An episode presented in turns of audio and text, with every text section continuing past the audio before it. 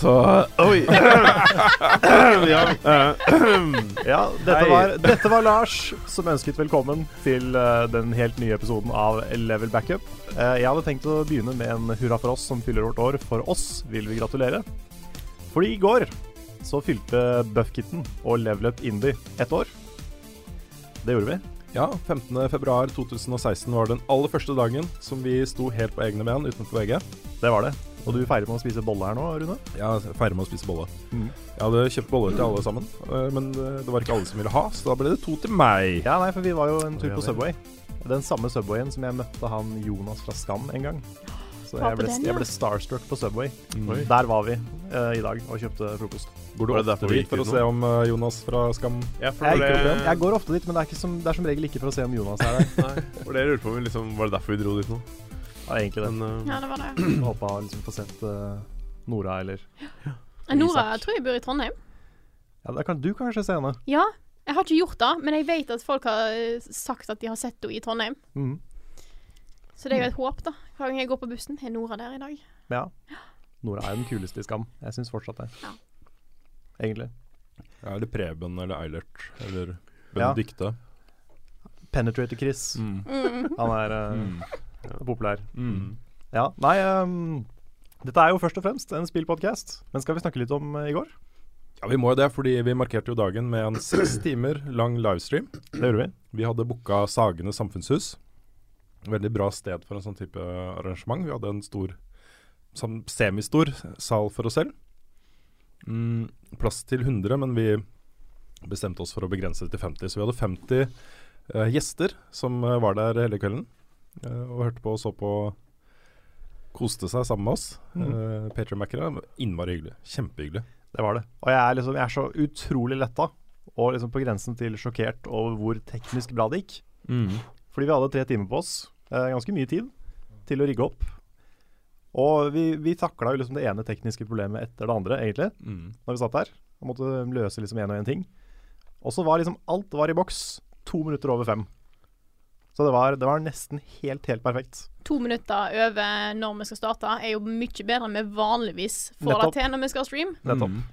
Så eh, det var imponerende. mm. Så en, eh, først en takk til eh, Lars, teknisk ansvarlig for Level Up Live. Du gjorde en strålende jobb, Lars. Mm. Jo, takk. Det var, det var bare hyggelig. Det var jo um, Det var et par ting vi ikke fikk testa før vi liksom gikk live, så det var derfor vi gikk live litt før tida. Ja. Og da fant vi ut at uh, det siste som mangla, var jo det her med at uh, Oi, det var bare lyd på venstre og høyre øre på noen stemmer. Mm, det er sant. Og det var, og Det var rett før, liksom. Ja, og da fant jeg en ny knapp og en ny innstilling på zoomen som bare Hei, dette har vi aldri gjort før. Jeg liker at du liksom Du fant den der og da, Ja, og vi har hatt den zoomen i over et år. jeg vet Ja. det. Det Jeg er fant, liksom Det er perfekt. jeg fant den med en gang òg. Det var det verste av alt. Jeg bare Hvorfor har vi ikke sett den her før? Men um, ja. Før vi går litt mer inn på den streamen, så er det kanskje greit å snakke litt om hvem som er her i dag. Det kan vi jo Ja. for så vidt gjøre. Ja, for vi har jo den, eh, den vanlige trioen av Lars Håkon Stormbakken, Rune Fjell Olsen og meg, Karl Martin Hoksnes. Men den fjerde stemmen dere har hørt i dag, er jo da selvfølgelig Frida Danmo. Hallo. Velkommen tilbake til byen. Takk, takk. Det er så kjekt å være her. Det er, det er synd at jeg ikke kan være her oftere, altså. Det er veldig koselig at du tar turen, for du, du sitter jo på tog i seks og en halv time Ja, for å komme hit. jeg gjør det.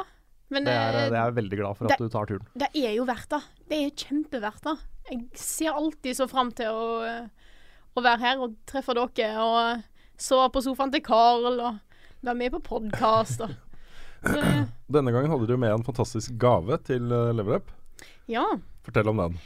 Ja, nå, nå skal dere høre. Jeg skal prøve å ikke ta det her for langt, for jeg kan snakke om denne her eh, tingen min ganske lenge. Jeg har hatt ei kobberplate eh, som jeg eh, har ved hjelp av elektrokjemi og litt sånn oppløsning av kobber lagd, eller forma logoen vår i ei kobberplate. Eh, ved hjelp av mye fancy eh, kjemikalier og syre og strøm og alt mulig rart. Så jeg er fornøyd med hvordan det ble. Det, var, det tok mye lengre tid enn jeg hadde planlagt, men jeg ble ferdig. Er det sånn bilde av deg i hodet at du på en måte raser gjennom alle de forskjellige labbene på NTNU og bare fikser og ordner og setter folk i sving og låder, setter av, rekviserer Rekvierer? Nei, hva heter det? Se, Booker. Bukker, Booker. Ja. Booker utstyr og rom og I en sånn flagrende hvit uh, frakk. Ja. Mm. Og vernebriller. Ja. Mm. Mm. Så jeg har, eh, jeg har jo òg filma litt av dette her. Eh, så eh, det blir eh, kanskje noe eh, Noen av klippene kommer kanskje med på neste Bakom-film. Det gjør det. Det blir kult. Jeg må gå gjennom det og se om det kan brukes til noe, i hvert fall. Jeg innser at jeg er skikkelig dårlig på å lage vlogg. Da å snakke i et kamera bare sånn Her, er- her er meg, og Uten dette Uten mål og mening, liksom? Ja, det er, det er ikke min ting, altså. Nei, det er, det er Jeg tror det er en treningssak. Ja, det er veldig, veldig en treningssak. Mm. Det er litt rart, for du prater jo egentlig med deg selv. Eh, og så begynner du å argumentere på dine egne kommentarer og sånn, hvis Ja. du har gjort det en stund. Og da blir det veldig sånn der, Det er veldig surrealistisk. Ja. Så Mm. Det var derfor jeg begynte med Let's Plays for mange år siden. For Ja. å liksom trene meg opp i det. Fordi jeg hadde alltid liksom vært veldig dårlig på ting som ikke hadde manus. mm. Så um, Det er alltid like morsomt når vi er på tur eh, sammen, Karl. Jeg syns det er flaut, uh, det å ta fram et det å ta fram kamera, og så bare det å ta selfie er ille, men det å stå og snakke i et kamera ute blant folk, mm. Som er en mobil, liksom, sånn hei, bloggen min, Ja, ja. det syns jeg er dritflaut. Men du er sånn Hello, internett! Her er jeg! Men, det, men, men grunn, grunnen til det Du skrur opp ordet på stemmen din et par hakk og er ja, men, helt ærlig. men Liksom. grunnen til det er at vi er to. Ja. Hadde, vi, hadde det bare vært meg, så hadde jeg Mm. aldri gjort det. Nei. Ever. For det hadde, jeg- det hadde jeg ikke klart hvis det bare var meg. Men det at vi er to som gjør det, Mm. det gjør at jeg tør det. Mm. Det er liksom, det er noe helt annet for meg. For da ser det ut som vi er en slags produksjon, Mm. selv om det er en telefon. Ja, fordi at det, det hender jo Jeg ser på bakomfilmene at av og til så filmer dere hvis dere er på et tog på vei en eller annen plass. Og nå er vi på vei der til, enten på et fly eller hva som helst. da Mm. Tenkte jeg hei, skal jeg gjøre dette her når jeg sitter på tog på vei til Oslo? Nei. Nei, det skjer ikke. Mm. da det går ikke an at jeg tar fram kameraet og filmer at jeg sitter på toget og snakker om at jeg skal til Oslo. Mm. Du ser innimellom eh, i bakgrunnen, bak der vi sitter, eh, folk som er synlige i bildet, som ser litt sånn overbærende på oss. Liksom. Ja. Sånn, Hvem er de folka her, liksom? Ja, hva er dette for noe? Disse hurlumheiene her syns jeg ikke noe om. hurlumheiene. Ja. Ja, jeg husker jeg gjorde den når jeg var i Sverige og um, intervjua Activision. Holdt jeg på å si ikke Activision, men det var Treyarch. um, Men det også blir mindre og mindre skummelt jo større kameraet er. ja, men det, jeg satt med mobilen når jeg filma det der. Fordi det var så vanskelig å sette opp liksom kamera. Det følte jeg var enda kleinere enn å liksom sitte med mobilen foran meg. Så da bare satte jeg meg i et hjørne i kafeen der. Der satt det liksom mor med barn og tjo og hei, og det var liksom bare sånn Ja. Så jeg bare tenkte, vet du hva F it, jeg gjør det. Og så bare gjorde jeg det. Og så var det litt sånn Det var litt rart, men uh, ja. Det funker. Man må bare gjøre det. Ja. Mm. Men hvis du har en telefon, så ser det litt ut som du er liksom veldig sånn self-obsessed. ja. Men hvis du har et svært kamera, så er det sånn Oi, dette er en produksjon. Ja, ja. Tror, tror du det? Ja, ja, Ja. helt sikkert. Garantert. Jeg har opplevd at biler har stoppa for meg hvis jeg har hatt et stort kamera. Ja, ikke sant. Wow. Så for ikke kjøre inn i bildet. Uh. Liksom. Jeg syns det store kameraet er litt kleinere, da. Det Synes føles det? som bare, Dette er en sånn kar fra 90-tallet som enda ikke har liksom Som har fortsatt sånn hjemmevideokamera. Ah, bare nei, nei, liksom hey! Jeg, tenker, jeg tenker TV-produksjon. Vi må, få, vi, må, vi må få lagd noen klistremerker med logoene våre, så vi kan feste det på kameraene også. For da Mm. blir det enda et hakk mer Ja, sant. seriøst. Mm. Og sånne skilt som vi kan sette opp. TV-produksjon pågår. Litt sånn så jeg bare ja, Ven, kan, vennligst hold kjeft og ikke gå inn. kan liksom bare sette rundt meg. Så jeg Ja. Mm. Vi kan betale en uh, uteligger 50 kroner for å stå med sånne der skilt med 'opptak pågår' og sånn klips. Nei, uff. Det hørtes fælt ut. Ja, jeg, jeg mente ikke det seriøst. Beklager at jeg tulla med deg. det er helt greit. Men streamen i går, vi, vi gjorde jo masse gøy der. Vi gjorde det. Um, høydepunkter. Mange, egentlig. Ja, ikke sant? Jeg føler det. Det var uh, Mm. Jeg må jo bare for, å, bare for å være litt overlegen og til side med en gang, så var det veldig gøy å vinne duellen. Mm. Og det var eh, Jeg vet ikke om Nick innså hvor nære han var. For det var to ting. Vi spilte Mario Party. eh, 20 runders eh, game. Så det tok vel godt over en time å spille gjennom. Mm. Ja. Langt over en time. Langt over en time. Ja. Ja, for de, de estimerer en time, nemlig. Ja. Men det skjer jo så mye underveis, Mm. så da blir det ofte mer. Vi har satt av én time til duellen og brukte to. Vi gjorde det, ja. Mm. Ja. Ja, ja. Vi spilte jo lenge WarioWare òg, for så vidt. Ja. Fordi det var så likt. Mm. Um, men eh, Nei, for det skjedde to ting den aller siste runden som gjorde at jeg vant. Og det var to veldig usannsynlige ting. Det ene var at jeg slo Nick i siste minigame. Og Nick var jo latterlig god i alle de minispillene. Ja. Han vant jo de som til og med gikk på random. Ja, Ja. nettopp. Og ikke bare én av de, han vant alle av de som gikk på Alle random. de som var random. Ja, helt Og han fikk alle de spørsmålstegnblokkene som gjør at du får en stjerne på slutten. Så uh, han lå jo an til å vinne absolutt hele tida. Men siste runde så skjedde det to ting. Det ene var at jeg vant det siste minispillet. Og det andre var at Lars landa på banken, Ja. og du fikk 60 coins. Mm. Og det var akkurat nok til at du fikk Coinstar, ja. og jeg fikk Minigame Star. Hadde Nick fått én av de, så hadde han vunnet. Wow. Så det var Så eh, jeg, jeg, jeg ødela for uh, ja. altså Jeg hadde jo ikke noen sjanse til å vinne noe som helst, egentlig, akkurat der. Så det var liksom sånn Ja. Jeg sørget for at du vant. du Det var det jeg gjorde. Det var det du gjorde. Mm. Så Så, det, var, jeg har dårlig samvittighet. Beklager, Nick. det som det- skjedde den siste runden, var ekstremt usannsynlig. Mm. Men det skjedde, og det gjorde at jeg vant. Men uh, ryktet rykte til Nick um, er jo i aller høyeste grad fortsatt eh, levende etter, uh, etter streamen i går. Det er det. Dere spilte jo For Honor. Um, Ja, herregud. Det var så gøy, fordi du fikk prøve det da, som helt fersk. Du hadde ikke spilt For Honor før. Det var en fin liten historie i den der greiene der. Det var det. Fordi eh, jeg, ble jo, eh, jeg ble jo satt opp mot en random fyr etter å ha spilt tutorialen. Var jo ikke god på noen som helst måte. Jeg hadde aldri spilt For Honor før. Og han rundhjurte meg. Det var vel én gang jeg klarte å vinne Ja, du tok han. ett, eh, en runde mot han. Én runde mot han. Ja. Men han vant jo igjen og igjen. Og bare Ja, vi fortsetter å spille, for dette her klarer jeg. Mm. Og så tar Nick over. Og Ja. bare Jeg har litt inntrykk av eh, Jeg fikk følelsen av at han var litt sånn eh, Litt sånn arrogant. Det er bare Ja. sånn som jeg prosjek prosjekterer på han. Jeg Mm. er sikkert verdens hyggeligste fyr, men Heller ikke projisere. Ja, ja Jeg vet. Jeg vet det. Beklager. ja. Men han var liksom Han var en villain for meg, da. Ja, jeg også tenkte liksom på det, for han var sånn svær, sånn Mm. mørk uh, night dude, ikke sant? Ja, ja. Med sånn svær, svart rustning og bare sånn skummel fyr. Uh, og til meg. Og så tar Nick over, og bare Han rører han ikke engang. altså, han, han kommer ikke borti Nick, men han bare fullstendig rundhjuler han tre ganger fikk på noen rad. slag inn på han, da. Gjorde det? Ja, Ja det var et par, men det var ikke mange. Altså. Ikke mange. Han var helt Nei, sjanseløs. Det var sånn Nick, Nick hadde 90 hoppe igjen Ja, ja, ja.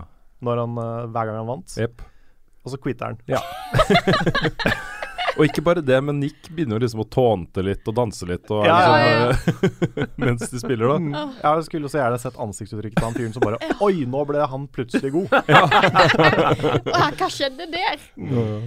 Han lekte dårlig i starten, for å liksom så bare Ja, ja. mm. Sånn eh, false sense of security. Syker han ut, liksom? Mm. Ja. Nei, det, var kjempe, det var kjempegøy også. Så fortsatte hun jo å herje i For Det er gøy å se på Nick eh, spille. Mm. Mm. Og så hadde jo eh, det som kanskje da var kveldens høydepunkt, var jo at uh, Svendsen uh, tapte duellen i uh, one on one med deg, Frida. Det stemmer. Ja. Jeg Dessverre så røyker jeg ut på uh, WarioWare. Jeg var ikke Jeg var litt for stressa, så jeg var litt sånn ivrig og Mm. mistima litt ting innimellom. Det var litt, eh, det var litt surt. Og så har jeg diskutert med Carl at jeg var litt uenig i måten vi gjorde eh, siste eh, liksom runde i VarioWare. Eh, fordi at en får jo til, det er jo tilfeldig hva baner en får og sånne ting. Og så hadde vi plutselig at det du Du tar så langt at du mister første livet ditt. Mm. Og det er da veldig avhengig av hva baner du får, for noen Ja. er kjempevanskelige. Så den er jeg, er litt sånn der Men det går fint. Det Ja, fint. Jeg, der, er- burde, jeg, er- der burde vi rett og slett bare spilt til det var game over. Ja, vi burde det. men det går fint fordi at jeg tapte ikke. Nei, Og da er det viktigste. Mitt høydepunkt i går var da jeg klarte å slå Svendsen i hva er Bumper Balls, eller det heter, i eh, Mario Party 2. Mot bots på super hard. Ja. Da var, da var drømmen. Da var å slippe å slippe å skrive den erotiske novella. Eh, for det, da, da var bare helt supert. Det er ikke det at eh, Det å framføre den hadde gått helt fint, for jeg er veldig komfortabel med å være på scenen og alle sånne ting. Men det å skrive den For da er det liksom Det er noe jeg har produsert, og dette er da liksom skal da gjenvise jeg vet ikke, min fantasi eller et eller annet. Da, var, da, eh, da hadde jeg ikke lyst til. Så jeg er veldig glad for at Selsen fikk lov til å ta den, altså. Ja, altså Det sitter nå teams på opptil flere psykologer og analyserer teksten til Svendsen. mm. Men det han, eh, straffen var da å skrive erotisk eh, fanfiction eh, basert på to eh, Eller med to spillfigurer foreslått av publikum. Mm. Og det var så fantastisk. Det var liksom først Vivi. Bare eh, Ja, perfect. ja. Og så eh, Yoshi. Mm. Ikke sant? Også helt perfect. De to skulle da et eller annet Det var den oppgaven Svendsen fikk. Mm. Så det siste som skjedde i streamen i går, var at vi satt på, uh, satt på sånn diskokule i taket. uh, Svendsen satt helt alene og fremførte da uh, sin fortelling. Yes. Så um, vi har fått masse spørsmål om denne streamen her kommer til å bli lagt ut på YouTube, og det gjør den. Vi Det gjør tror alle filene ligger uh, trygt lagra på PC-en. Ja, og hele, hele ligger live på Hitbox også. Hele ligger live på Hitbox, Mm. så du kan gå inn på Hitbox TV slash Level Up Norge og se den nå, eller du kan vente en dag eller to, og så kommer den på YouTube. Ja. Forhåpentligvis. Del for del, sikkert. ja, vi kommer til å dele den opp eh, litt. Ja, Ja det, er, har øh, Det ligger en del opptaksfiler, så jeg vet ikke hvor mange det er, men det Ja, du starta og stoppa mellom der. Ja, jeg gjorde det. Så bra. Tok ikke opp de der øh, når vi viste klipp av oss, eksempel, sånn. Det syns jeg var litt unødvendig. Det trenger ikke. Så ja. Veldig bra. Men det var en uh, flott opplevelse. Det var det. Mm. Det var en kjempebra kveld. Det frister, Det var, um, frister til gjentakelse. det var altså litt morsomt, for vi måtte kutte litt i programmet. Og det var sånn her, det ene ting vi kutta, var det først Nio, som jeg skulle være med å spille på. Og så når jeg skulle være med å spille Ducktales, så funka ikke det heller, så da kutta vi det òg. Så det var sånn de tingene jeg skulle være med på, bortsett fra duellen, da, hvor jeg klarte liksom å spille det derre å tape i det teite Mario-spillet. Eller Kaller du Mario Party 2 et Ja, teit det var teit. Ja. Nei da. Men um, det var mye skills involvert, i hvert fall. I uh, minispill. Bortsett fra det, så Ja, minispill er jo litt, Mm. eh, litt Noen av de er litt skill-basert, Ja, men uh, Bortsett fra det, så skjønte jeg egentlig ingenting av foregikk. um, Men én ting, da. Den uh, duellen ble litt for lang. Så, ja, ble kanskje litt lang. ja. Vi har jo lært litt av uh, opplegget her også. Um, så uh, Mario Party ble kjempegøy når det snøra seg sammen mot slutten. Mm. Også den siste halvtimen uh, cirka. Var kjempegøy å se på. Før det så var det liksom litt lengre mellom høydepunktene. da. Det er sant. Så det ble litt stille TV. Vi burde nok, eh, burde nok velge et uh, Hvis vi skal spille Mario Party igjen, så burde vi velge et som har 10 turns og ikke 20. Mm. Ja, ikke sant. 10 eller 15, da får du korta den vesentlig. Mm. Sant. Men alt i alt uh, kjempefornøyd med streamen, og uh, utrolig uh, bra med folk som så på streamen også. Ja. Jeg har hatt så mange sånne Jeg er jo en sånn som går rundt og bekymrer meg for tekniske ting og sånne ting. Uh, så jeg har jo tenkt at liksom Det er en viss fare da for at enten bare publikum eller bare de som ser på streamen, får en god opplevelse pga. noen tekniske problemer. Men jeg er så letta over at det gikk bra. Mm. Over at liksom, det funka på scenen, og det funka på stream. Alt gikk som det skulle. Det er uh, kjempebra. I hvert fall nesten. Ja, det er ikke langt Det unna. var litt småting. Det var litt lyd på Det var vel lesen til Frida. Ja, den er ikke så glad i. Elgato-opptaksenheter. Nei, men det var fortsatt veldig rart, for den ga lyd på skjermen, men ikke på prosjektoren. Det også er veldig sånn why. Um, og så var det inside, som ble litt mørkt. Ja, for de som så på i salen. Ja, Ja. Vi fikk fiksa det etter hvert, da. eh, Ja, vi fikk fiksa det. ja. Men det er sånn sm småting, det er greit. Mm. Når det er live, så det må man regne med.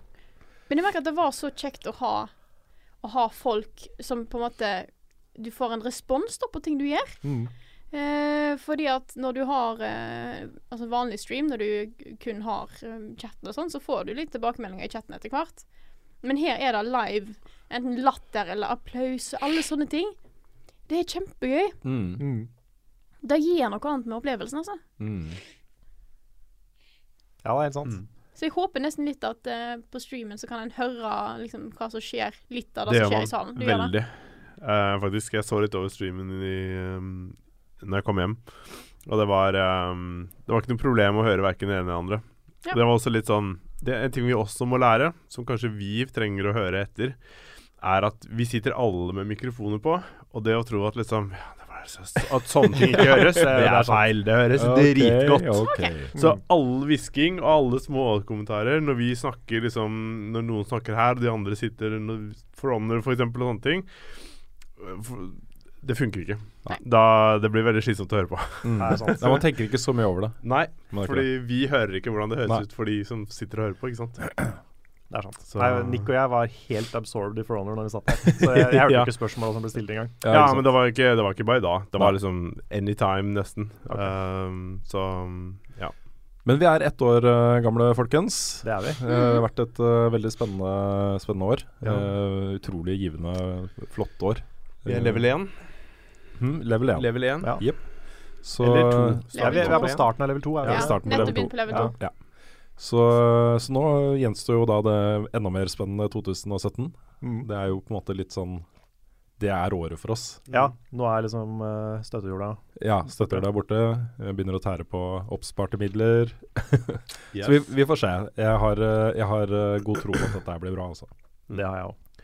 Og så var det veldig deilig. eh, vi kan jo gå straks videre til hva vi har spilt i det siste. Men eh, det var utrolig deilig etter streamen å gå ut og ta en, eh, en pils med dere. Mm. Um, eh, og Audun ble med også, fra Gamer. Ja, Audun ble med. Ja, så vi satt på Mono og tok en. Ja, ikke sant. Og vi tok da en pils og fikk liksom debrifa og roa oss litt ned og sånne ting. Det betyr jo at vi er litt reduserte i dag. Kanskje. Ja, i hvert fall vi er litt trøtte. ja da. Det for, eh, Jeg har det helt fint. Vi rangla ikke, liksom. Nei. Men, det, eh, vi ble ikke dritings, noen av oss. Nei, men det Nei. ble litt sent, og bare det å ta et par pils og så gå rett og legge seg er Man blir litt uh, klein av det. Så jeg får bare beklage hvis vi er litt Uttaler ord helt feil, f.eks., som jeg allerede har gjort opptil flere ganger i denne podkasten. Litt eh, Hjernen fungerer litt uh, tregere i dag enn den pleier å gjøre. mm, Har litt, litt høyere toleranse for brain farts i, i dag, Ja, jeg tror det. Mm. Jeg tror, ja, jeg, Ja, jeg ble vekt av, uh, av dattera mi, som uh, kom inn sånn kvart på åtte. Jeg fikk sove litt lenger i dag. Uh, kvart på åtte, og, og kysse meg på kinnet til jeg åpner øynene. Så det var en veldig fin start på dagen. Ja, det er koselig. Jeg merker jeg er mest trøtt, eh, og det er fordi eh, det ble litt sånn seint i går. Det er ikke fordi at vi går så sent på byen, men det er, det er så sjelden jeg er i Oslo. Så når jeg først er her, så er det bare kjekt å sitte oppe og snakke om alt mulig rart. Så Mm. det ble, hva ble en Tre? Halv Ja, hva ble vel tre, i hvert fall. Ja. Mm. Så du sitter og prater og prater, og Carl er bare sånn Åh, kan vi gå og legge oss nå, eller? Det, ja, det er akkurat sånn. ja. fordi at det er, jo, det er jo jeg som pleier å være lengst våken av oss to. Mm. Ja, men du er, du er faktisk ganske flink, syns jeg, Ja, ja. til å være oppe. Du er flink til å være oppe. Men, det er Altså, Det er noe rose folk for. Du er flink Ja, til å være nå er jeg, jeg er vant med Kristine som slukner klokka tolv. Ja, det er sant? Så det er, det er hyggelig å ha besøk som liksom er litt våken på natta. Mm. Jeg er flink til å snu døgnet, eh, sånn at jeg klarer å være våken over lengre tid. Eh, spesielt sånn til rundt, rundt tre går som regel bra. Mm. Eh, så da får jeg til. Det er sjelden jeg blir helt eh, helt kaka. Jeg var litt trøtt i går, merka jeg, på slutten, av, på slutten av streamen i går. Da begynte jeg å eh, kjenne at jeg sto opp halv sju. Mm. Jeg kjente det å skulle lære For Honor etter fire-fem timer på stream, Ja. det, var litt, det var litt hardt. Mm. Men uh, jeg er fornøyd med at jeg fikk den ene killen. Det var, uh, det var målet mitt. Da går vi over til det som egentlig er første punkt på programmet, nemlig hva vi har spilt i det siste. Ja, vi håper det er fortsatt eh, folk igjen som hører på podkasten. Vi får håpe det. Ja. Eh, vi kan jo begynne med Frida. Ja. Jeg har eh, ikke spilt et noe spesielt nytt spill i det siste. Men jeg har jo faktisk eh, endelig fått satt meg i gang med å begynne på et spill som Rune snart skal spille, og da er Bloodborne. Uh. Ja. Så det har jeg eh, kommet eh, lenger enn du skal i første runnen din. Ok. Så jeg har tatt, eh, tatt bossene som eh, du skal kose deg med framover, og tatt et par, i hvert fall én boss til etterpå. Skal jeg si deg noe? Det her er første gangen jeg tenker på at jeg skal spille Bloodborne i dag. Oh, Det har vært helt borte fra erindringen min av det som skjedde i går. Ja, ja. At, Det kan hende det er lurt at du begynner litt tidlig. Fordi eh, bare sånn i tilfelle det bruker lang tid. ja da. mm. Er det meningen vi skal ta opptak for dette neste uke? Det blir kanskje sånn. Jeg, nå er ikke, jeg har ikke helt oversikt, men det Det finner blir vi ut. neste mandag. Neste mandag uh, senest, da. Ja, Også riktig. ikke den første, men Stemmer. Ja. Det blir riktig. Men jeg har i hvert fall begynt på Bloodborne. Uh, for da har jo uh, folk pusha meg litt til. Og jeg har veldig lyst til å spille. Jeg har bare hatt, ikke hatt tid. Men nå har jeg en sånn liten Fram til Horizon og Switch kom ut, så har jeg egentlig ingenting nytt som kom ut. Så er det et perfekt tidspunkt å spille, spille litt Bloodborne. Og jeg syns jo det er dritfett. Mm. Det er Jeg liker både altså stilen på det, at det er mørkt, men at du likevel har veldig sånn kontrastfylt eh, lyssetting, da. Du Ja. har, Det er fortsatt lyst, selv om alt er dystert. Ja, sant. Det er veldig sånn fargerikt, selv om Mm. det er veldig mørkt og trist. Ja, eh, og jeg begynner jo litt å komme inn i combat-systemet. Det tar litt tid å takle. Uh, men jeg, jeg, jeg liker det, altså. Jeg har veldig sansen for det, så jeg har lyst til å lyst til å komme meg gjennom det. Men jeg, jeg er redd for at det kommer til å ta litt tid. Men nå har jeg i hvert fall kommet i gang, og da hjelper jo mye, da. Å faktisk skjønne hvordan eh, hvordan fightinga fungerer, og hvordan en skal approache det. Siden det er mitt første eh, sånn Det er jo første FromSoft jeg faktisk spiller. Mm. Lars også begynte jo på Bloodborne. Mm. Men du har jo Det du er har, eh, the best. Det er det. Du har jo kommet deg over uh, en av de verste kneikene, da. Ja. Han som har fått uh, navnet Pappa Prompepenge. han, er, uh, han er sånn Det er mange som har gitt opp på han, på en Ja. måte. Fordi han er drøy. Ja, den var, den var litt fæl. Eh, og for de som hører på og har spilt Bloodborne og greier, så fikk jeg litt hjelp av en liten Old Hunter eh, der. Jeg tok han ikke alene, da vil Nei, jeg bare okay, si. Okay. Jeg skjønner. Men det syns jeg er greit, ass. Ja, han, er, uh, han er vanskelig. Uh, jeg husker ikke hvor mange forsøk jeg hadde sjøl på han. Det var ganske mange. Mm. Men det er liksom Det er noe med at når du Når du dør på han etter liksom den 10.-15. gangen, og du fortsatt må gå den strekka frem til Ja. han, og liksom bare Og du må f i, ja, Hva heter det, en mikrobalanse mellom liksom hvor mye helse du skal ha, og alle disse vialsene du skal ha når du kommer dit. Oh lord. Da, jeg husker ikke når jeg tok han første gang, men da har jeg hadde også hjelp. Jeg tror jeg var på forsøk nummer ti. Mm. Eh, da tror jeg Da fikk jeg det til. Men greia er at når du først har lært hvordan du skal ta han, så nailer du han hver gang. Og det, Ja. er- det er sånn Det er en sånn Det er akkurat som en sånn Et lys som bare går opp. Og når, du- når du da får til det, så, så er det en drøm, liksom. Og da er det bare gøy. Mm. Så Ja, det er sånn i alle de FromSoft-spilla. Mm, At uh, andre gang du spiller et sånt spill, mm. det er bare en sånn lang victory-rap. Hvor du bare, du bare løper rundt og bare mm, 'Å, jeg klarte å ta han først.' Og se der, og du var vanskelig en gang.' det er så utrolig givende. Ja. Så nå spiller, når jeg spiller Bloodborne nå, så er det bare sånn zen. Mm. Det er bare deilig, liksom. Mm. Mm. Så jeg har jo spilt gjennom det spillet sju ganger nå, tror jeg. Såpass, ja. Mm. Og det er ikke så langt som de andre Souls-spilla. Mm. Så det er litt altså derfor jeg valgte, valgte det først. Yes. Nei, det går vel greit. Det gjør nok det. Jeg gleder meg. Jeg, jeg tror du kommer til å digge det. Jeg tror også det. Eh, Bare husk på film når du spiller fra starten av. Liksom Meg deg selv? sjøl, ja. Okay. Få med liksom de, de jeg, jeg, jeg tror da at det kan bli morsomt. Mm. Hvis, hvis, det liksom, hvis du havner over de samme greiene. Fordi det er en sånn derre kamp med seg sjøl, hvor du sitter der og bare bruker altså- ekstra antall, timer på å mestre det. Og det, det er mye raging der. Hvis du, hvis du gidder det, hvis du får til det, eh, så kanskje hvis du får montert et webcam, eh, og så bare ha det i hjørnet i Mm. OBS mens du tar opp. Mm. Mulig, det hadde vært kult, altså. Ja, problemet, problemet er at hvis jeg tar opp i OBS, så får jeg ikke lyd fra spillet. Jeg vil gjerne ha lyd fra spillet når jeg spiller dette her. Ah, ja, ok. Ja, det, Så, men kanskje jeg skal kjøpe et uh, PlayStation Camera. Du får ikke lyd fra ja, spillet. det kan du kanskje. Den Vi- vi kan ta det- må vi ta senere. vi men det det høres på veldig rart ut. Mm. Ja. Eh, Men et siste tips da, som jeg glemte å nevne til deg i går.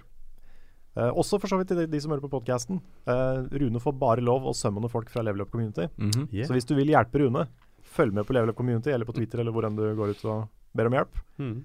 og legg inn passordet 'tom for ammo'. Men det andre som jeg glemte å nevne i går, det er at eh, hvis du føler at det er lang vei til bossen, eh, hvis du har dødd mot bossen og så må du løpe tilbake så herregud, det er kjempelangt, da er det en snarvei du ikke har funnet. OK. Det fins alltid snarveier til bossen. Mm.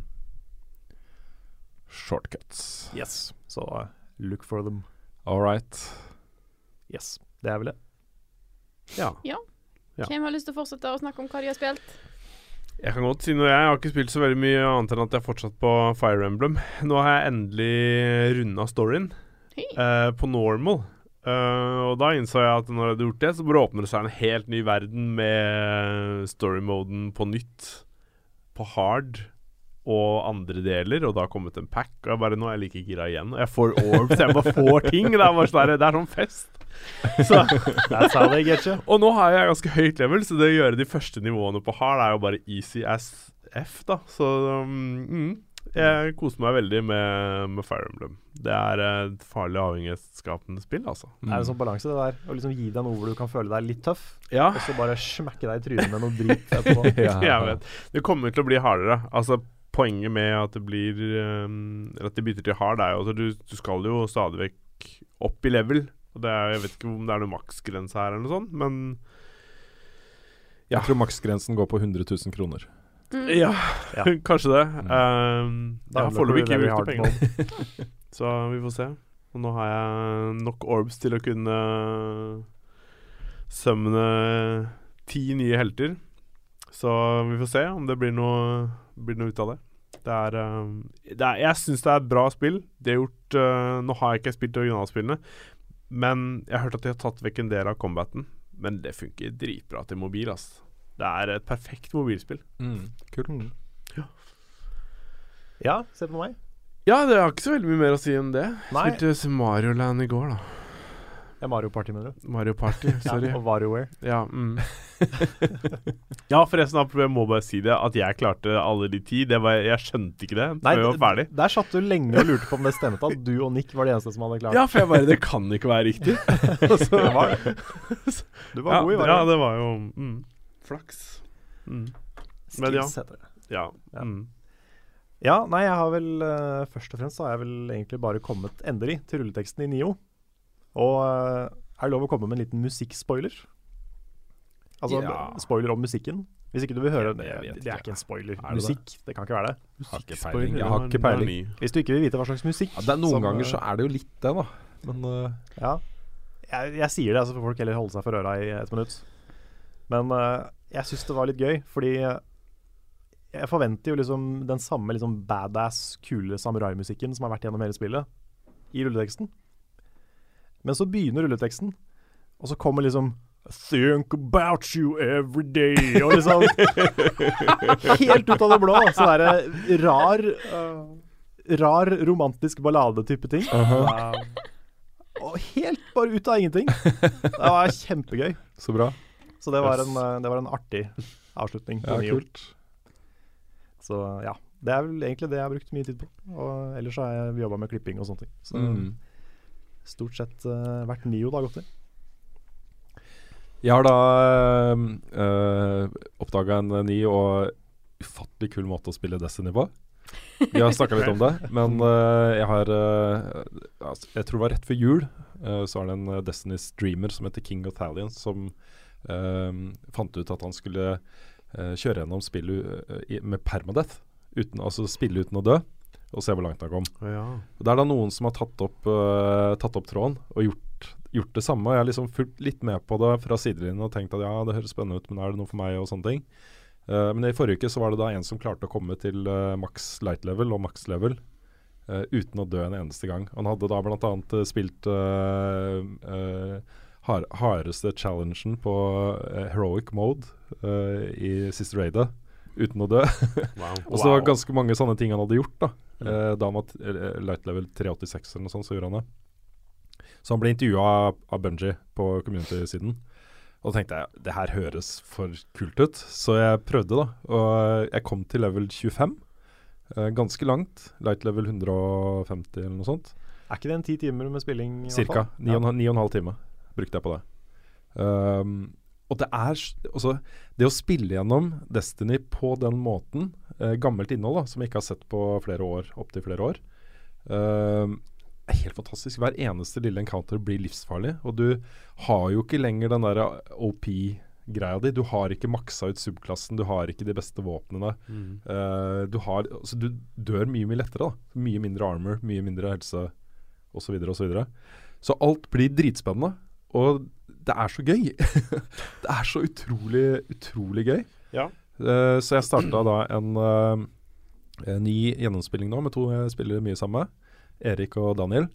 Uh, vi, vi er da en eh, Warlock, en Hunter og en Titan. Og vi, målet er å komme seg gjennom alt story-content i Destiny, inkludert DLC-er, uten å dø. Så vi starta da å spille nå, og det, vi er, gjør opptak. Så det blir en, eh, en eh, Let's Play-serie av det på kanalen vår. Dere har jo en regel som jeg syns er veldig brutal. ja. Det er jo det at hvis én dør, så er det over. Ja. Det er ganske, det er ganske sykt. Mm. Det er ganske Ja. sykt. Ja, vi vet jo ikke hvor langt vi kommer til å ta det nå. Vi, eh, da kommer vi til å gjøre en wipe, full wipe. Alle må slette karakterene sine. Det, det er den siste tingen. da Du eh, må starte med en helt fresh karakter, selvfølgelig. Eh, som ikke har noen ting. Du har kun lov til å bruke ting som dropper for den karakteren. Så du kan ikke begynne å det er jo en- Jallarhorn, f.eks., kan du bruke fra starten av. Men det har vi ikke lov til. Nei.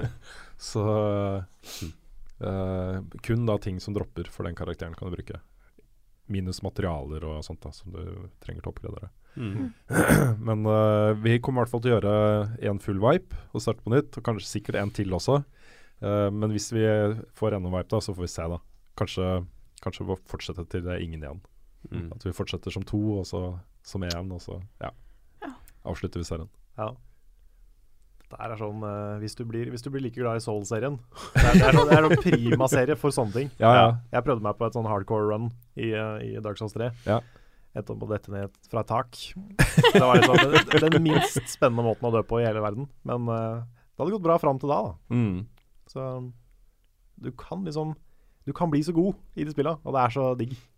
Ja, det er, det er kjempegøy. Eh, den første gangen jeg spilte gjennom, som jeg kom ganske langt, da spilte jeg gjennom alt story content i uh, originalspillet. Uh, og første DLC-en. Og så var jeg ca. halvveis ut i andre DLC-en. Eh, og så kommer jeg til en mission som foregår inne i Walt of Glass. Og da først da, så er det jo disse hoppesekvensene hvor det er Du må liksom treffe noen ganske små ledges og sånt for å ikke komme ned i avgrunnen. Bare det brukte jeg kjempelang tid på. Sto der ble så bare, og så bare holde pusten ikke sant, før man hopper. For å, å, det gikk bra. Men så lander jeg nede der, og da kommer det oracles, og det får jeg ikke med meg, for jeg er så opptatt av å ikke bli drept av fiender. Eh, og så får jeg ikke skutt oracles, og så blir det bare misadventure. Så det, etter å ha spilt så lenge, da var jeg litt bitter. Ah, Det er kjipt. Ja. Men det er gøy også. Det er kjempemorsomt. Mm. Kan, du, kan du si noe om eh, spillet du fikk i går?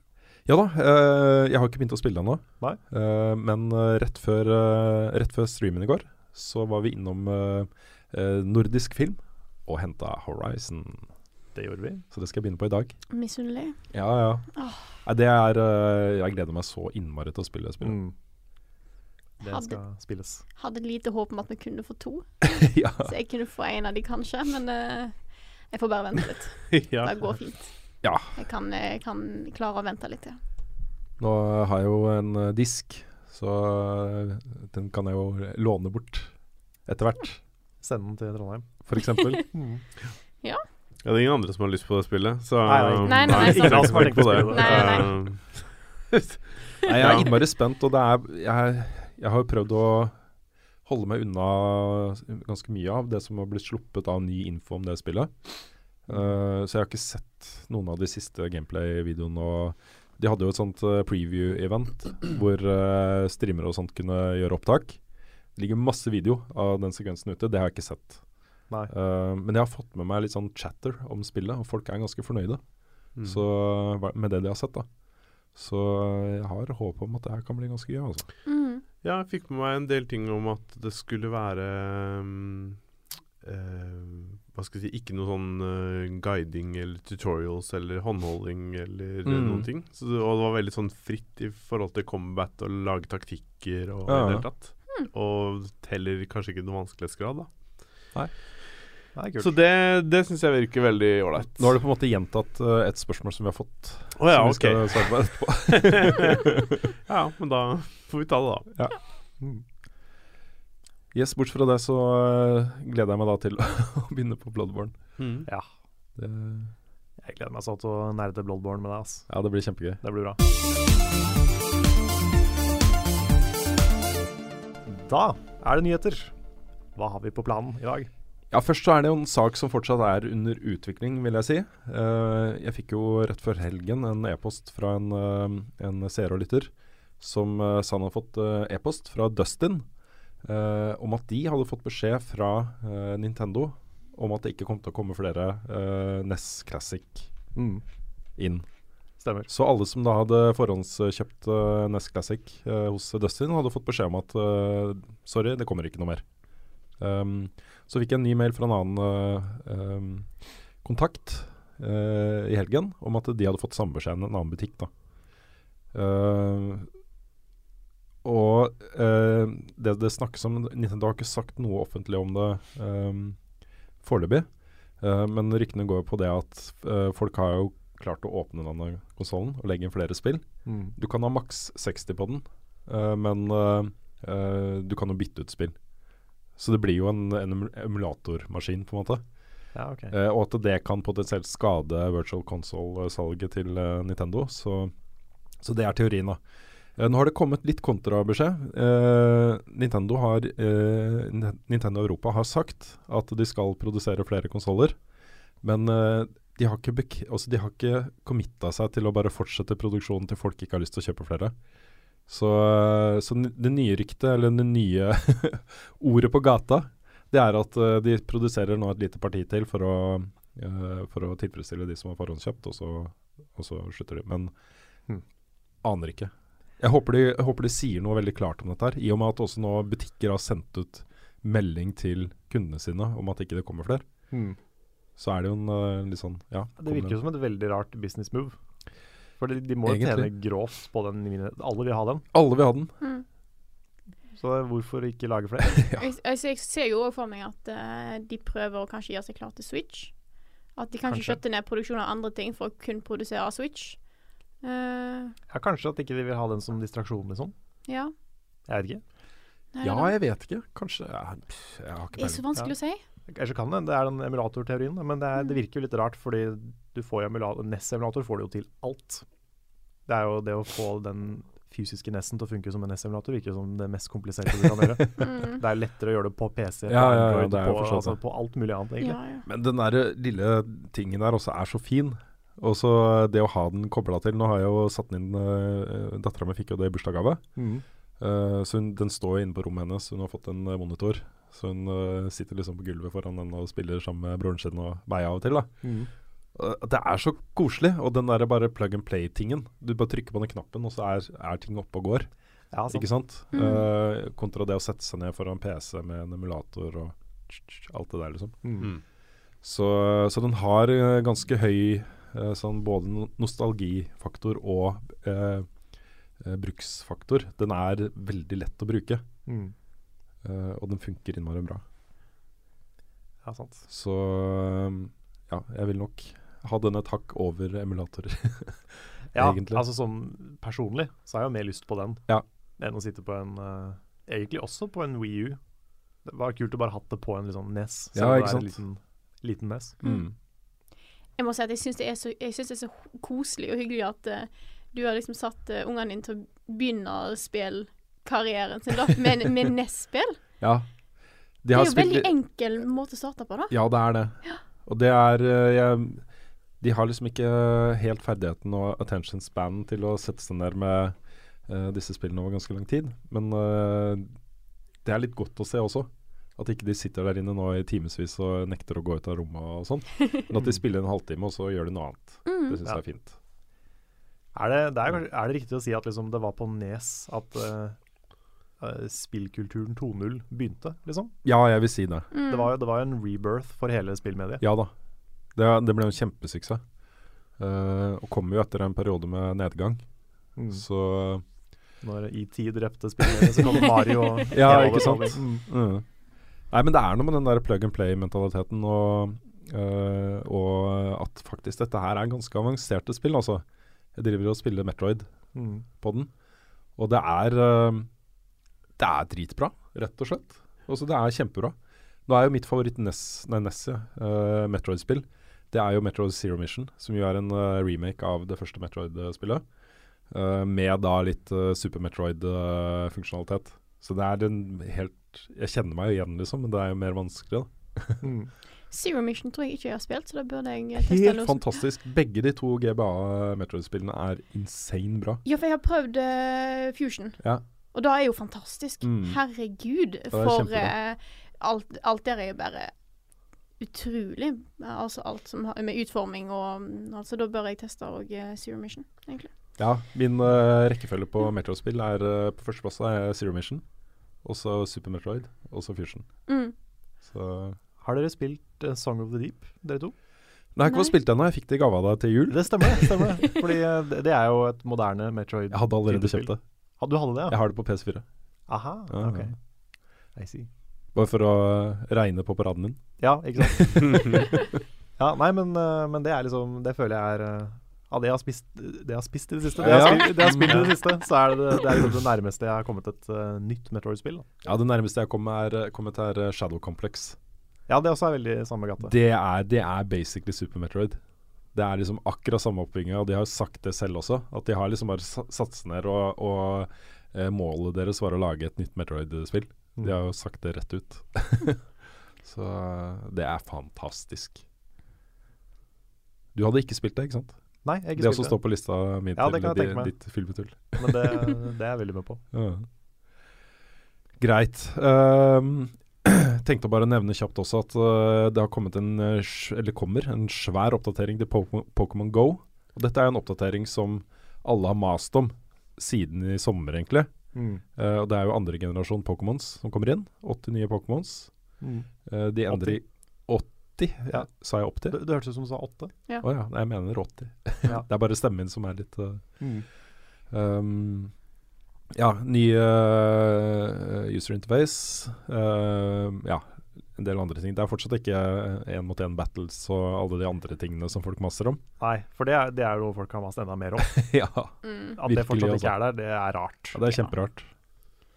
Jeg vet ikke om du har noen god forklaring på det. Nei, Trading er jo det som kanskje er det viktigste. Men jeg ser det er folk rundt omkring som har testa det, um, og sier at det er en betydelig oppgradering av spillet. Okay. Uh, og spørsmålet er da om folk kommer til å komme tilbake. Gjør dere det? Altså, jeg får ikke Pokémon GO til å funke på telefonen min lenger. Yes. Jeg bare starter det opp, og så lokker det seg. Hmm. Så jeg vet ikke hva det kommer av. Kanskje jeg må oppdatere telefonen. Jeg tror ikke jeg begynner igjen. Uh, og det er rett og slett da at uh, det mangler fortsatt de tingene som jeg syns mangler i sommer, og da er tracking. Det Mhm. er ikke god nok. Jeg vil ha den trestep-greia igjen. uh, for den fungerte. Uh, jeg vet de har fiksa litt på det, men uh, det, er ikke, det er ikke helt da Det er fortsatt så mange mangler der. Mm. Pluss at jeg, jeg kommer ikke til å gå så mye rundt i Trondheim nå midt på vinteren, og det er is og kaldt og surt og all dritt sånn. Det, Nei. Det, det kommer ikke til å skje så mye. Jeg er veldig glad i å sitte inne i varmen. Mm. Jeg tror hvis de, hvis de kommer med en ny kjempeoppdatering med trading og battling f.eks. i sommer, altså til sommeren, Mm. da kanskje. Mm. Men um, jeg vet ikke. Jeg, jeg syns det virker som nå at de ikke prøver å nå ut til den der kjempemassen igjen. At de, de har lyst til å fokusere på en liten gruppe som de kan kontrollere med serverne sine og sånn. Og Uh, bare prøve å blidgjøre dem, da. Mm. Det virker som det er det de gjør. De gjør egentlig det, altså. Så øh, jeg vet ikke om de bare kanskje aldri følte at de hadde kapasitet til å være så populære. Men apropos uh, gå ute i Trondheim om uh, vinteren og sånt, husker dere Buktai? GBA-spillet? Nei.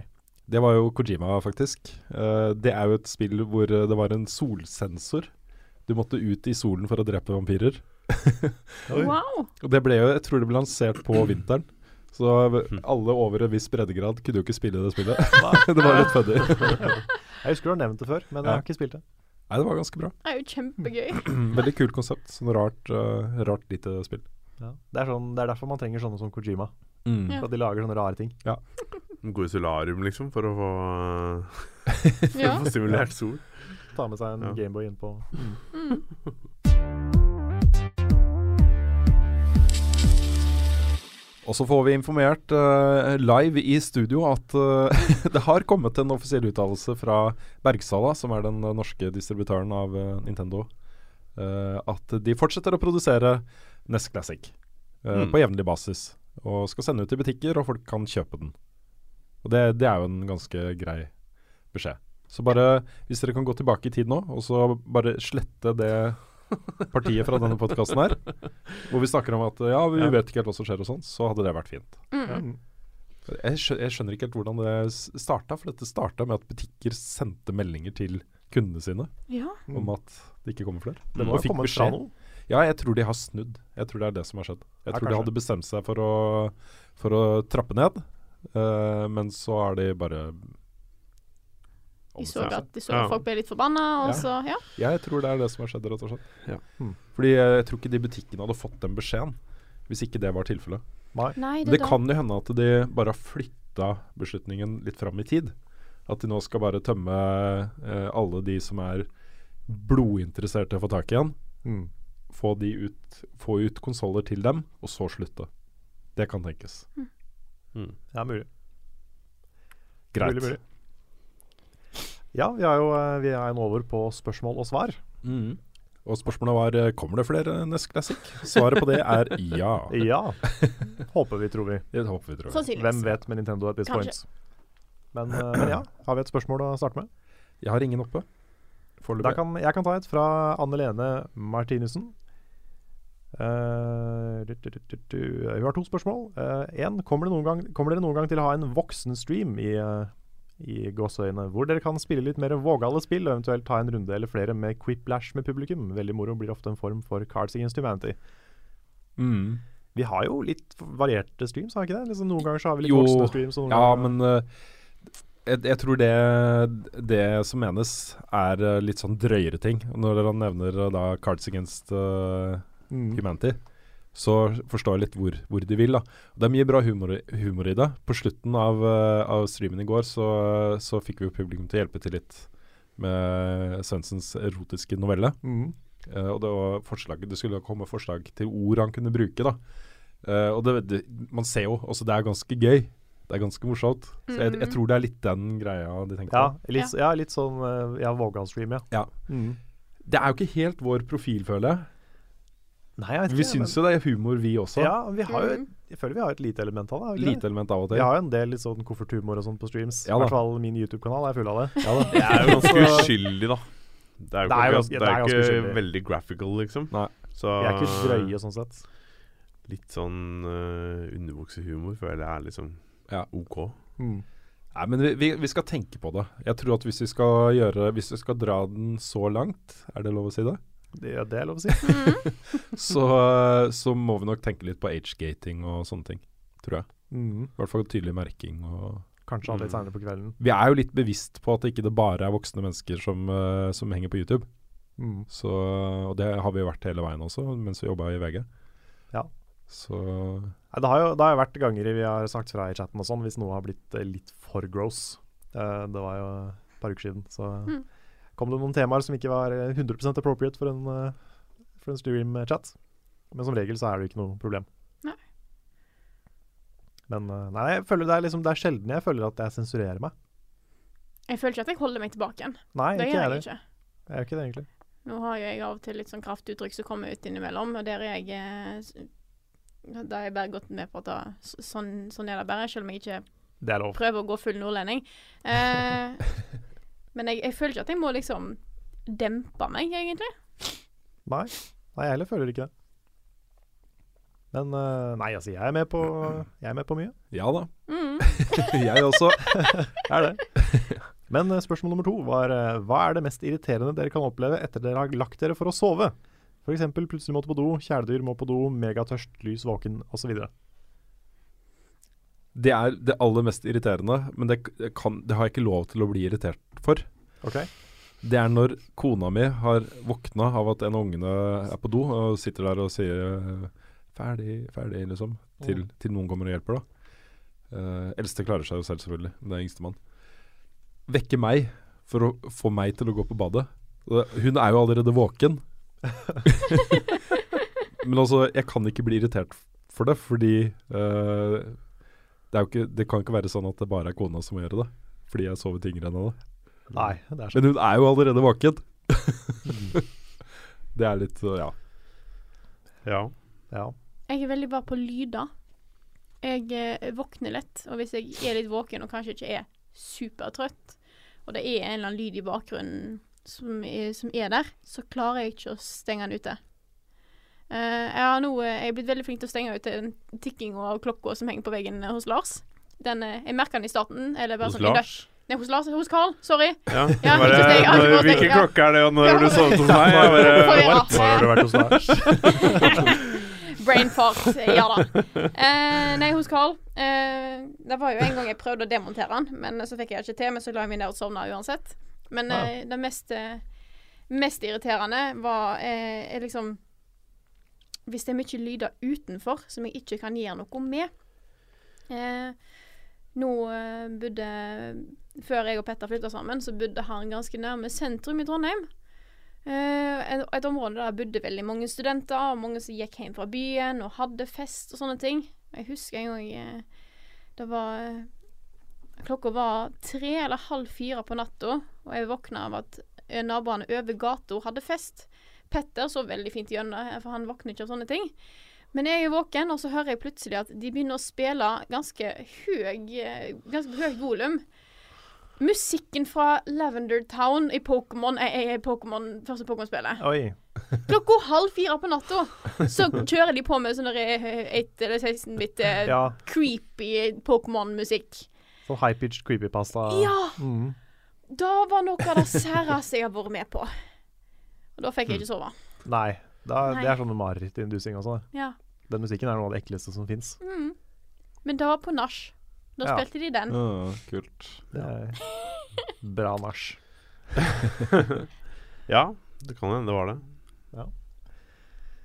Ja, nei, for meg så er det når, eh, når naboen bestemmer seg for å bore ned en betongvegg fra klokka sju om morgenen Jesus i hele Christ. jula, pluss, pluss. Mm. Det, det er det mest irriterende. For det er sånn da, da er det fysisk umulig Det er helt forferdelig. å sove. Helt Det rister i vegger, og det er liksom Det er så høyt at du kan ha på deg lydisolerende headset, og det funker ikke. Mm. Herregud. Ja, Det går gjennom uh, skjelettet ditt. Ja, det, jeg, det vibrerer i meg. Ja, det gjør det. Det er helt grusomt. Så det, det jeg hadde alvorlig søvnmangel i mye av januar pga. det. Så det er Ja. kanskje et litt ekstremt eksempel, men det, har vært, Mm. eh, det var livet mitt en periode. Og så er det jo klassikeren, da. Den der eh, hvor du er i ferd med å sovne, og så kommer du på den ene tingen du gjorde for Ja. 13 år siden. Mm. Sånn, la oss tenke på alle verdensproblemene, og la oss eh, hm, Hvordan er det å dø? Hm, hva betyr det? Er det Jeg tenker mer på den der eh, Du har gjort noe utrolig dumt. Ja, som regel er det den. Ikke sant? Og Den, kommet eh, på det lenge etterpå Mm. at det var utrolig dumt. Ja, sånn, Vent da, den gangen jeg var 16 og hun jenta spurte om den tingen, og så bare sa jeg det. Ja. For i all verden sa jeg det. Og Ja. så man, Jeg er veldig flink til å være stress, tenke på stressende ting før jeg legger meg, sånn at jeg ikke får sove. mm. Det er jeg kjempegod til. Mm. Det er ikke så bra. Jeg, jeg tror det er en ganske vanlig ting å og hva skal jeg si Å tenke på sånne ting når du skal uh, sove. Mm. Og så er det noe med at uh, du kan sitte og gjøre en ting, og så er du drittrøtt. Så går du til senga, og så legger deg, og så er det bare sånn her OK, hvorfor våkna jeg nå? uh, det verste jeg vet, er jo bare å ligge i senga og ikke få sove. Du prøver å sove, du er dritsliten og trøtt, men du får ikke sove. Jeg har hatt noen sånne kvelder uh, nylig, og da er det sånn når klokka liksom blir Du veit du skal opp tidlig, og klokka blir sånn halv fem. Altså da, da, da er frustrasjonsnivået Du begynner bare å grine fordi det liksom bare Du får ikke sove. Du blir, du blir sint og frustrert, og alt er bare sånn her Hvorfor får jeg ikke sove? Altså, ingenting blir bedre når du er trøtt. Nei, ikke sant? ja. Det blir jo ikke noe bedre av å gjøre det heller. Så det er liksom Det er noen ganger sånne ting bare går av seg sjøl, holdt jeg på å si. Ja. Det verste er når du ligger sånn og tenker at OK, hvis jeg sovner nå, så kan jeg sove i fem timer. Jeg vet! Hvis jeg sovner nå, så kan jeg sove i fire og en halv time. Ja. Og så ender det opp med at du ikke sover i det hele tatt. Mm. Ja, ikke sant? Sånn, ja, OK, da får vi fire timer. OK, det får være greit. Og så er det sånn Nei, så blir det tre timer, og så er det fy fader, nå ja, Da er det helt håpløst. Da liker jeg ikke med min telefon, for når jeg setter på en alarm, så står det 'satt på alarm om fem og en halv time'. Og jeg tenker bare nei. Mm. Ja. Så han, han gir meg alltid beskjed om hvor lenge jeg eh, Mm. kan Hvor lenge jeg eh, kommer til å sove. Yes. Det er litt demotiverende. Ja, Don't wanna know. Nei. Jeg tar et eh, spørsmål her fra Eivind Gjertsen på Patron. Han, i likhet med mange andre, gratulerer oss med dagen, så det er veldig hyggelig. Tusen takk. Takk, for det. Uh, han skriver da en litt lang melding her. Uh, uflaks at jeg valgte akkurat den, jeg som har litt uh, problemer med stemmen akkurat nå.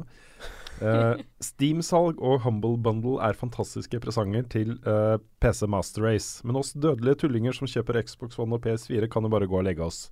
Det er ingen tvil om at når spill kan selges for samme pris over nettet som over kassen, at trenden for salg i all hovedsak blir gjort på nettet. Så når et godt tilbud kommer, er det bare til å kaste seg på. Men dessverre er det i de, de fleste tilfellene bare for PC. Eh, jeg lever i håpet og den moralske troen på at når du har kjøpt et spill, så har du kjøpt det. Om du vil spille det på PS4 eller PC, spiller ingen rolle. Tror dere vi vil se en modell hvor forbruker kan betale for spillet én gang og få det på alle plattformer det er utgitt på? Eh, det korte svaret på det er jo nei. Men det litt lengre svaret er jo at eh, Microsoft prøver jo Mm. en modell der. Hvor, eh, hvor eh, Xbox Live eh, er både på Windows 10 og Xbox One. Mm. Og har du kjøpt den ene versjonen, så kan du spille på begge. Mm. Det er vel ett eksempel på PlayStation som jeg kommer på. Det er Portal 2. Oh, ja, Der kunne du, hvis du kjøpte det på tror det var på PS3, Ja. Mm. så fikk du det også på Steam. Ja. Var det ikke sånn? Okay. ja. Det var det. det det vel Jeg det kjøpte Valve. Portal 2 og fikk det. Altså ett et av eh, 300 000 PC-spill Mm. uh, gjelder det på, eh, Mm. på så, så da er det en ting. Mm. ja. Ja. Nei, jeg, det kommer ikke til å skje, og det er jo eh, rett og slett fordi uh, konsollprodusentene bortsett fra Microsoft, da. Men også når det gjelder Microsoft, så må de jo få med seg resten på det. Og det, det gjør de jo ikke, tror jeg. Nei, nei. Det er nok ikke alle spill som kommer til å få den muligheten. Eh, I hvert fall så har tidligere erfaring vist at uh, når Microsoft prøver, prøver å lage sånne lukka systemer for sine plattformer, så er det mange som velger å stå utenfor. Men uh, når det gjelder uh, Sony, så er jo det Det er jo deres arena, liksom. Hvis de skal begynne å tilpasse seg til priser på andre plattformer, så flytter du jo pengestrømmen ut av sitt univers, og de Mm. får ikke de pengene. Nei. Nei, sant. De tjener jo penger på hvert eneste spill som selges på PlayStation. Tjener jo Sony penger på, liksom. Men uh, i det litt sånn større bildet, da, når det gjelder eh, pris på spill, så er, det to, to eh, trender nå. Den ene er veldig bra, den andre er veldig dårlig. Uh, og den veldig dårlige er jo at konsollspill er i ferd med å etablere en, et høyere prisnivå. Også den derre valgfrie tilleggstingene du kan kjøpe til spillene, er i ferd med å bli inkludert i prisen. Mm. Mm. Snakka kjøp- ikke om det i går med For Honor? Jo, jeg kjøpte For Honor, og det finnes ingen standard edition av For Honor på PSN. Det er bare Gold Edition og Deluxe Edition, og Gold Edition er den dyreste. Den inkluderer eh, Season Pass. Uh, mens uh, Deluxe Edition in inneholder Det står liksom bare sånn det inneholder, det, Du får noe greier på lansering, noe ekstra Jeg vet ikke engang. Det var liksom så utrolig De prøvde ikke engang å gjøre det til en attraktiv uh, pakke da for den høye prisen, ikke sant? For den koster jo da 689 eller noe sånt herregud. Mm. for, eh, for vanlig. Det er, blir jo da standard edition, ikke sant. Wow. Mm. Og det er jo ganske betydelig eh, prosentoppgang i pris. Uh, 599 har liksom vært uh, triple A standardpris i mange år. Mm. Eh, og så kommer det jo sånn tilleggsdelse-ting på toppen av det, liksom. Mm. Uh, men det har jo da tross alt vært valgfritt. Men spill har blitt dyrere til lansering. Mm. Mm. Det er den ene trenden som jeg er veldig lite fan av. Den andre trenden er jo at uh, spill går fortere ned i pris. Uh, og det er flere runder med salg. De har liksom julesalg og vintersalg og sommersalg og sånt, Mm. også på konsoll. Mm. Der kan du få ganske gode dealer. Altså. Jeg kjøpte tre spill til 1000 kroner, og det var n- nesten nye spill da, rett før jul uh, på PC-en. Ja. Så, så det, jeg, jeg tenker liksom at hvis folk bare klarer å være litt tålmodige Problemet er jo multiplayerspill. da. Det å ikke være med fra lansering i et stort multiplayerspill er ikke aktuelt for mange. De vil gjerne være med, som med For Honor f.eks. Det Mm. er ikke sikkert det er like hot å spille det om tre måneder. Nei, sant. Nei, det spillet kan gå begge, begge veier, kjenner jeg. Det, er, eh, det var veldig kult, det lille jeg spilte i går. Men eh, jeg, jeg ser for meg at det er, det er en viss sjanse da, for at det er et sånt spill som der hvor online-communityen kan forsvinne litt etter hvert. Hvis det blir for ensformig eller et eller annet. Sånn som litt à la Titanfall. Ja. Det første. Ja. Ja, jeg syns det er interessant at uh, EA fortsatt sier de har klokketro på Titanfall som serie, og at Mm. de skal satse fullt på det også i årene fremover. Ja. Titanfall 2 var jo bra, uh, men det, det solgte vel ikke noe bra, gjorde det? Jeg veit ikke hvordan salgstallene på Titanfall eh, 2 er, altså. Men eh, Jeg veit ikke. Jeg føler kanskje at det er vanskelig å etablere en ny sånn type FPS-sjanger. Det er liksom Overwatch har klart det. Men ja. Hvis du sammenligner med liksom COD, da, som er vel det nærmeste du kan sammenligne det med i forhold til Titanfall, så er jo liten tvil om at Titanfall er uh, to i hvert fall har gjort det dritbra. Men jeg, jeg veit ikke. Det er, det er fortsatt vanskelig. Jeg ser det liksom bare blant folk jeg spiller med også. Det er, uh, det er vanskelig å få det Hva skal vi si endre vaner og gå over Mm. til det, da. Mm. Apropos så glemte jeg en stor nyhetssak uh, i stad. Ah. Det er jo at uh, Activision uh, forteller at neste COD-spiller går tilbake til røttene. Ja, riktig. Det burde vi ha nevnt. Stemmer det. Og Stemmer Destiny 2 er fortsatt bekrefta for lansering til høsten. Ja. Men uh, jeg lurer på tilbake til røttene om det betyr andre verdenskrig, eller om de tar første verdenskrig de også, siden Battlefield har gjort det.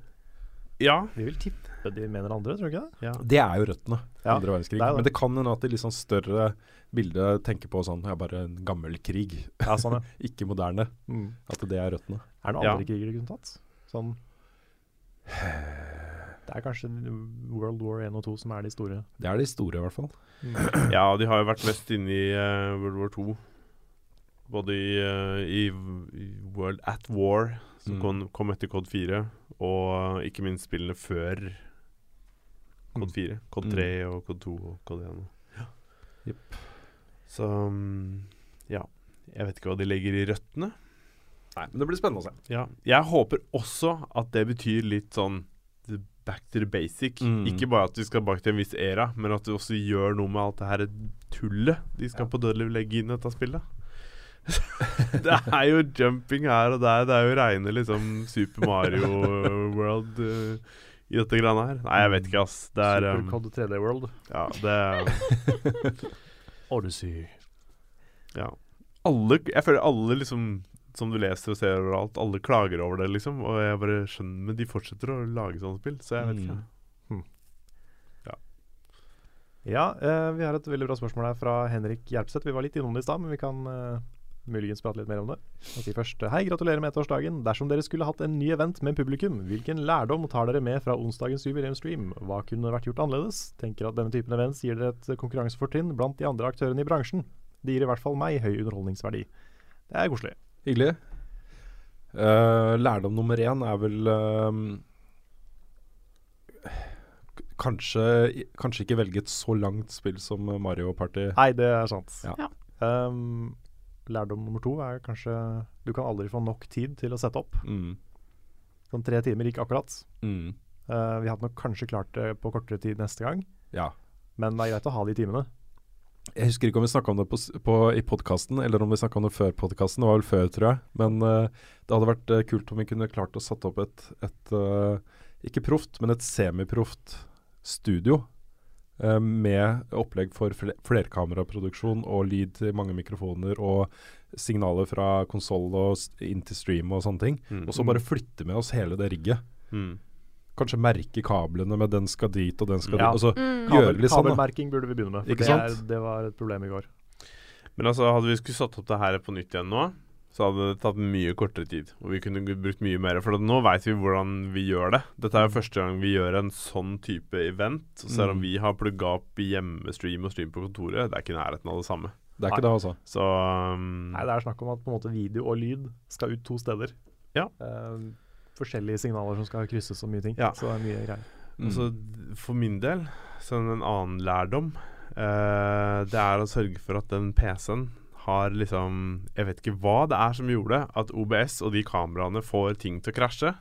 Nei, for, Men, men sånne ting, det er det mest frustrerende jeg vet om, når, når, når softwaren bare liksom bare Nei, vil ikke.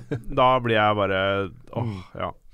for det, det var jo en ting som stressa deg i går. eh, Mm. Det at vi hadde jo testa hos meg Mm, eh, flere webkameraer samtidig, mm. og det funka helt fint. Så kom vi opp på streamen, funka ikke. Nei. Og, den, og når vi satte opp flere, så krasja OBS. Mm. Selvfølgelig, da, på den maskinen der. Mm. Jeg vet ikke om det er uh, kombinasjon uh, Windows 8 OBS-versjon, drivere Det kan være så mye ikke sant, som Mm. får det her til å ja, være annerledes. det er samme. Windows 8-versjon som jeg har. Så jeg tror ikke det er Ja, ok, ja. ja. Men i hvert fall det er et eller annet som bare Fordi når alle kameraene vi brukte var like, og så bare sier han um, ja, bytte sånn, bytte sånn. Fikk opp to bilder, og så bare Å ja, men er ikke dette samme kamera? Og så bare kutter han det ene. Og så krasjer OBS. Da satt jeg bare Nei! sånn skal det ikke være. Men altså, jeg, jeg tenker hvis vi i tillegg kunne ha Mm. kjøpt et uh, lydanlegg uh, som går ut til folk som hører på, Mm. og ha med oss det, Ja. sånn at vi slipper å koble oss opp på et annet lydanlegg som vi ikke kjenner, og som kanskje står feil sted i rommet og sånne Ja. ting, så er vi på en måte good to go. Da kan vi sette oss opp på, på Egertorget om det skulle, så skulle være, liksom. Ja, sant, Eh, bare kjøre, kjøre live, da. Mm. Mm. Men det, når det gjelder den andre delen av spørsmålet, som det gir oss et konkurransefortrinn, sånn ser ikke jeg på det i det hele tatt. Um, vi har alltid hatt lyst til å gjøre litt av den type ting fordi det er hyggelig å gjøre det sammen med folk som uh, kjenner oss og vi kjenner og sånt. Ja, jeg også tenker det at det er fordi det er kos, og det er Ja. fordi det er oss. Mm. Uh, det er liksom veldig naturlig ting for oss å gjøre. Ja, altså vet ikke akkurat om vi har funnet opp hjula her i forhold til konkurransefortrinn. Så jeg, jeg vet ikke. om det nødvendigvis gir det, men jeg føler jo at det er, eh, det er som du sier. Altså ja, det er oss, og vi gjør det på, liksom, på vår måte, vår greie. Og um, det er jo absolutt en hyggelig og kul ting å gjøre. Det var Mm, så Så det er jo um, Jeg har lyst til å gjøre det igjen, jeg. Det, det, definitivt Ja, ja. gjøre det igjen. For Altså, dette her var bare vi burde jo gjort det oftere, Mm. rett og slett. Vi kunne ha tatt uh, The Show on the Road. Mm. Dratt til Trondheim, Ja. dratt til Bergen, Tromsø. Jeg kan lett fikse lokal å være i, liksom. Lå- Låne Ja. en eller annen stor forelesningssal i, eh, på NTNU. Hvis jeg skulle gitt en liksom mer konkret uh, Nå har vi ikke snakka om dette her i forhold til liksom mine ønsker, så ville jeg hatt liksom enda mer sånn at publikum ble mer dratt inn i det. Det skulle vært et bedre bilde, bedre måten for de i salen se streamen, eller se hva vi spilte. Eh, lyden for dem bedre, sånn at de ble enda mer engasjert og inni det. Og kanskje involvert i Ikke nødvendigvis hele tiden, men innimellom. Innimellom, helt eh, på, på, på en bedre måte. da. Helt enig. Fordi det, da- det er en sånn ting som jeg tror kommer med rutine for vår del òg. Ja. hvis vi får gjort det flere ganger, så blir det Mhm. lettere for oss å gjøre den type improvisasjon da, Ja. underveis. Mm. Og da får vi kamera for publikum i tillegg, da, så blir det liksom bare sånn Mm. yeah, Ja, da, er vi der, liksom. Det er eh, Og så lage grafikk, få et oppsett som funker, så har vi liksom det vi trenger. Da er det ikke Mm. trenger vi ikke å finne opp hjulet hver gang. Jeg blir veldig inspirert av å se Games on Quick, hvor Mm. mye de har vokst. Mm. For det var jo en veldig enkel stream den første gangen. Men de har bygd på, bygd på, bygd på, og nå er det så proft. Og det er så utrolig smooth. De bruker masse kameraer, og de har liksom oppsett for eh, to spill samtidig, tre spill samtidig, fire, ikke sant. Det er bare så, det er så utrolig gjennomført. Mm. De teknikerne der er bare genier. Så det er Ja, kult å vi sett, har, eh, sett våre streams vokse litt på den måten. da Ja. Med litt sånn uh, GUI interface-ting og Mm. Råd til det utstyret og uh, teknikken kan være på plass, så er vi Får vi til det. mm. Jeg har et eh, spørsmål her fra Eirik Strand, som er mer en påminnelse til oss, egentlig. Ehm, han spør kunne dere tenke dere å lage spoilercast eller egne videoer hvor dere virkelig kan gå i dybden på spill og tanker rundt dette uten å måtte være redd for å spoile opplevelsen for andre. Um, ja, jeg tar ikke resten av spørsmålet hans, men eh, vi har jo Film i tull. Og det er det er det det er, Ja, det er bare det, det forutsetter at en av oss ikke har spilt spillet, da. Uh, jo, selvfølgelig. Ja, du tenker, jeg tenker kanskje mer på at alle har spilt og diskuterer det? Ja, for jeg, jeg brukte, var det han som brukte Firewatch, Ja, for stemmer. eksempel. Ja. Fordi eh, det har jo vi spilt. Uh, men vi har, jo heller- vi har egentlig ikke et sted hvor du kan snakke mer om Firewatch, f.eks. for eksempel. Nei, hva tenker du på nå? Nei, at du går i dybden på slutten på Firewatch og sånne ting. Ja, nei, det føler jeg vi har gjort litt allerede også.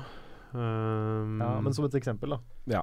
Sånn at eh, hvis, hvis vi vil snakke om slutten på Undertale, eller hvis vi Mm. snakke om sånne ting, da, så har vi ikke egentlig en spalte hvor vi kan gjøre det. Nei,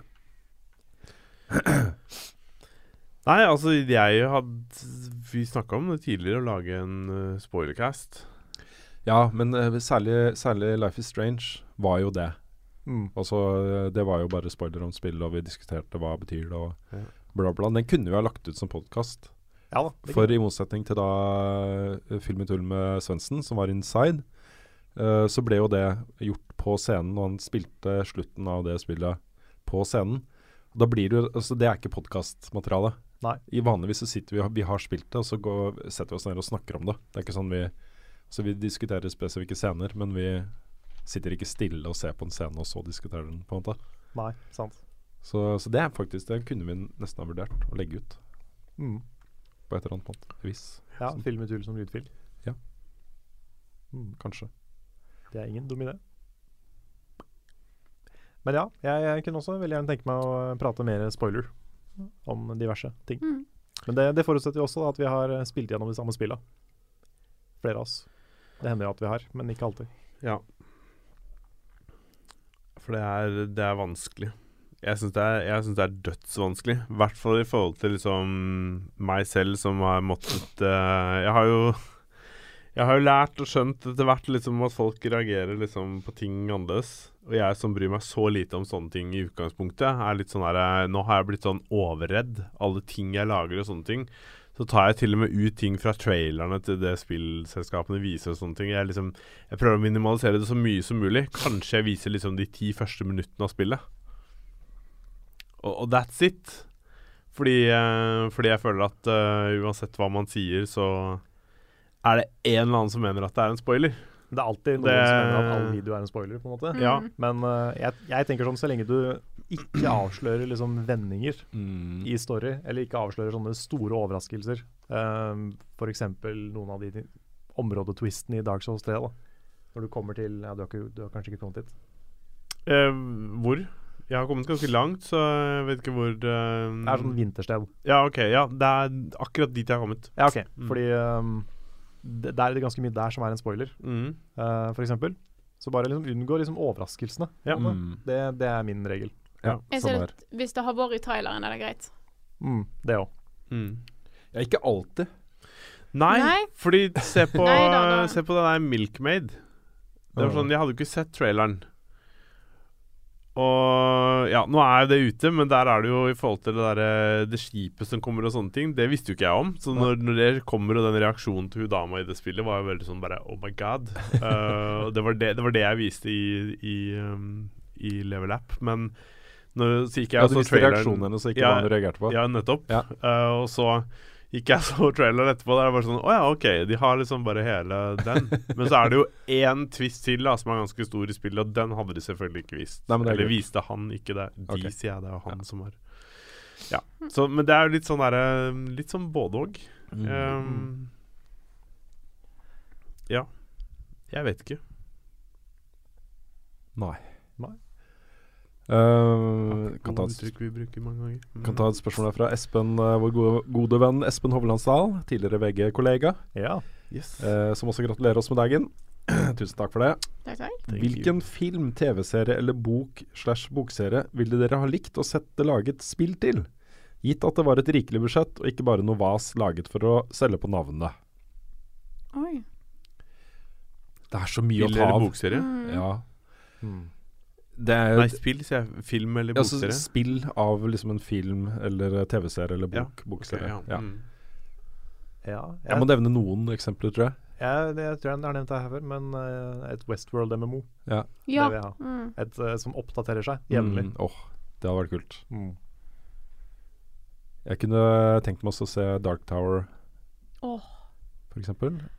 Eller eh, First Law-trilogien til Richard eh, Abercrombie. Den er fantastisk. Det, det, det kunne blitt en sånn Witcher-lignende greie. Det, det er så mye bra humor og uh, røff action i det spillet. Kule rollefigurer og, og sånt. Ok. I, i den bok, bokserien med det. Tror du Two and a Half Men i litt sånn Leisure Sweet Larry-stil hadde vært kult? jeg vet ikke. Jeg bare ser på meg liksom Carl og Co. Alt Mot i brøstet. The Telltale Series.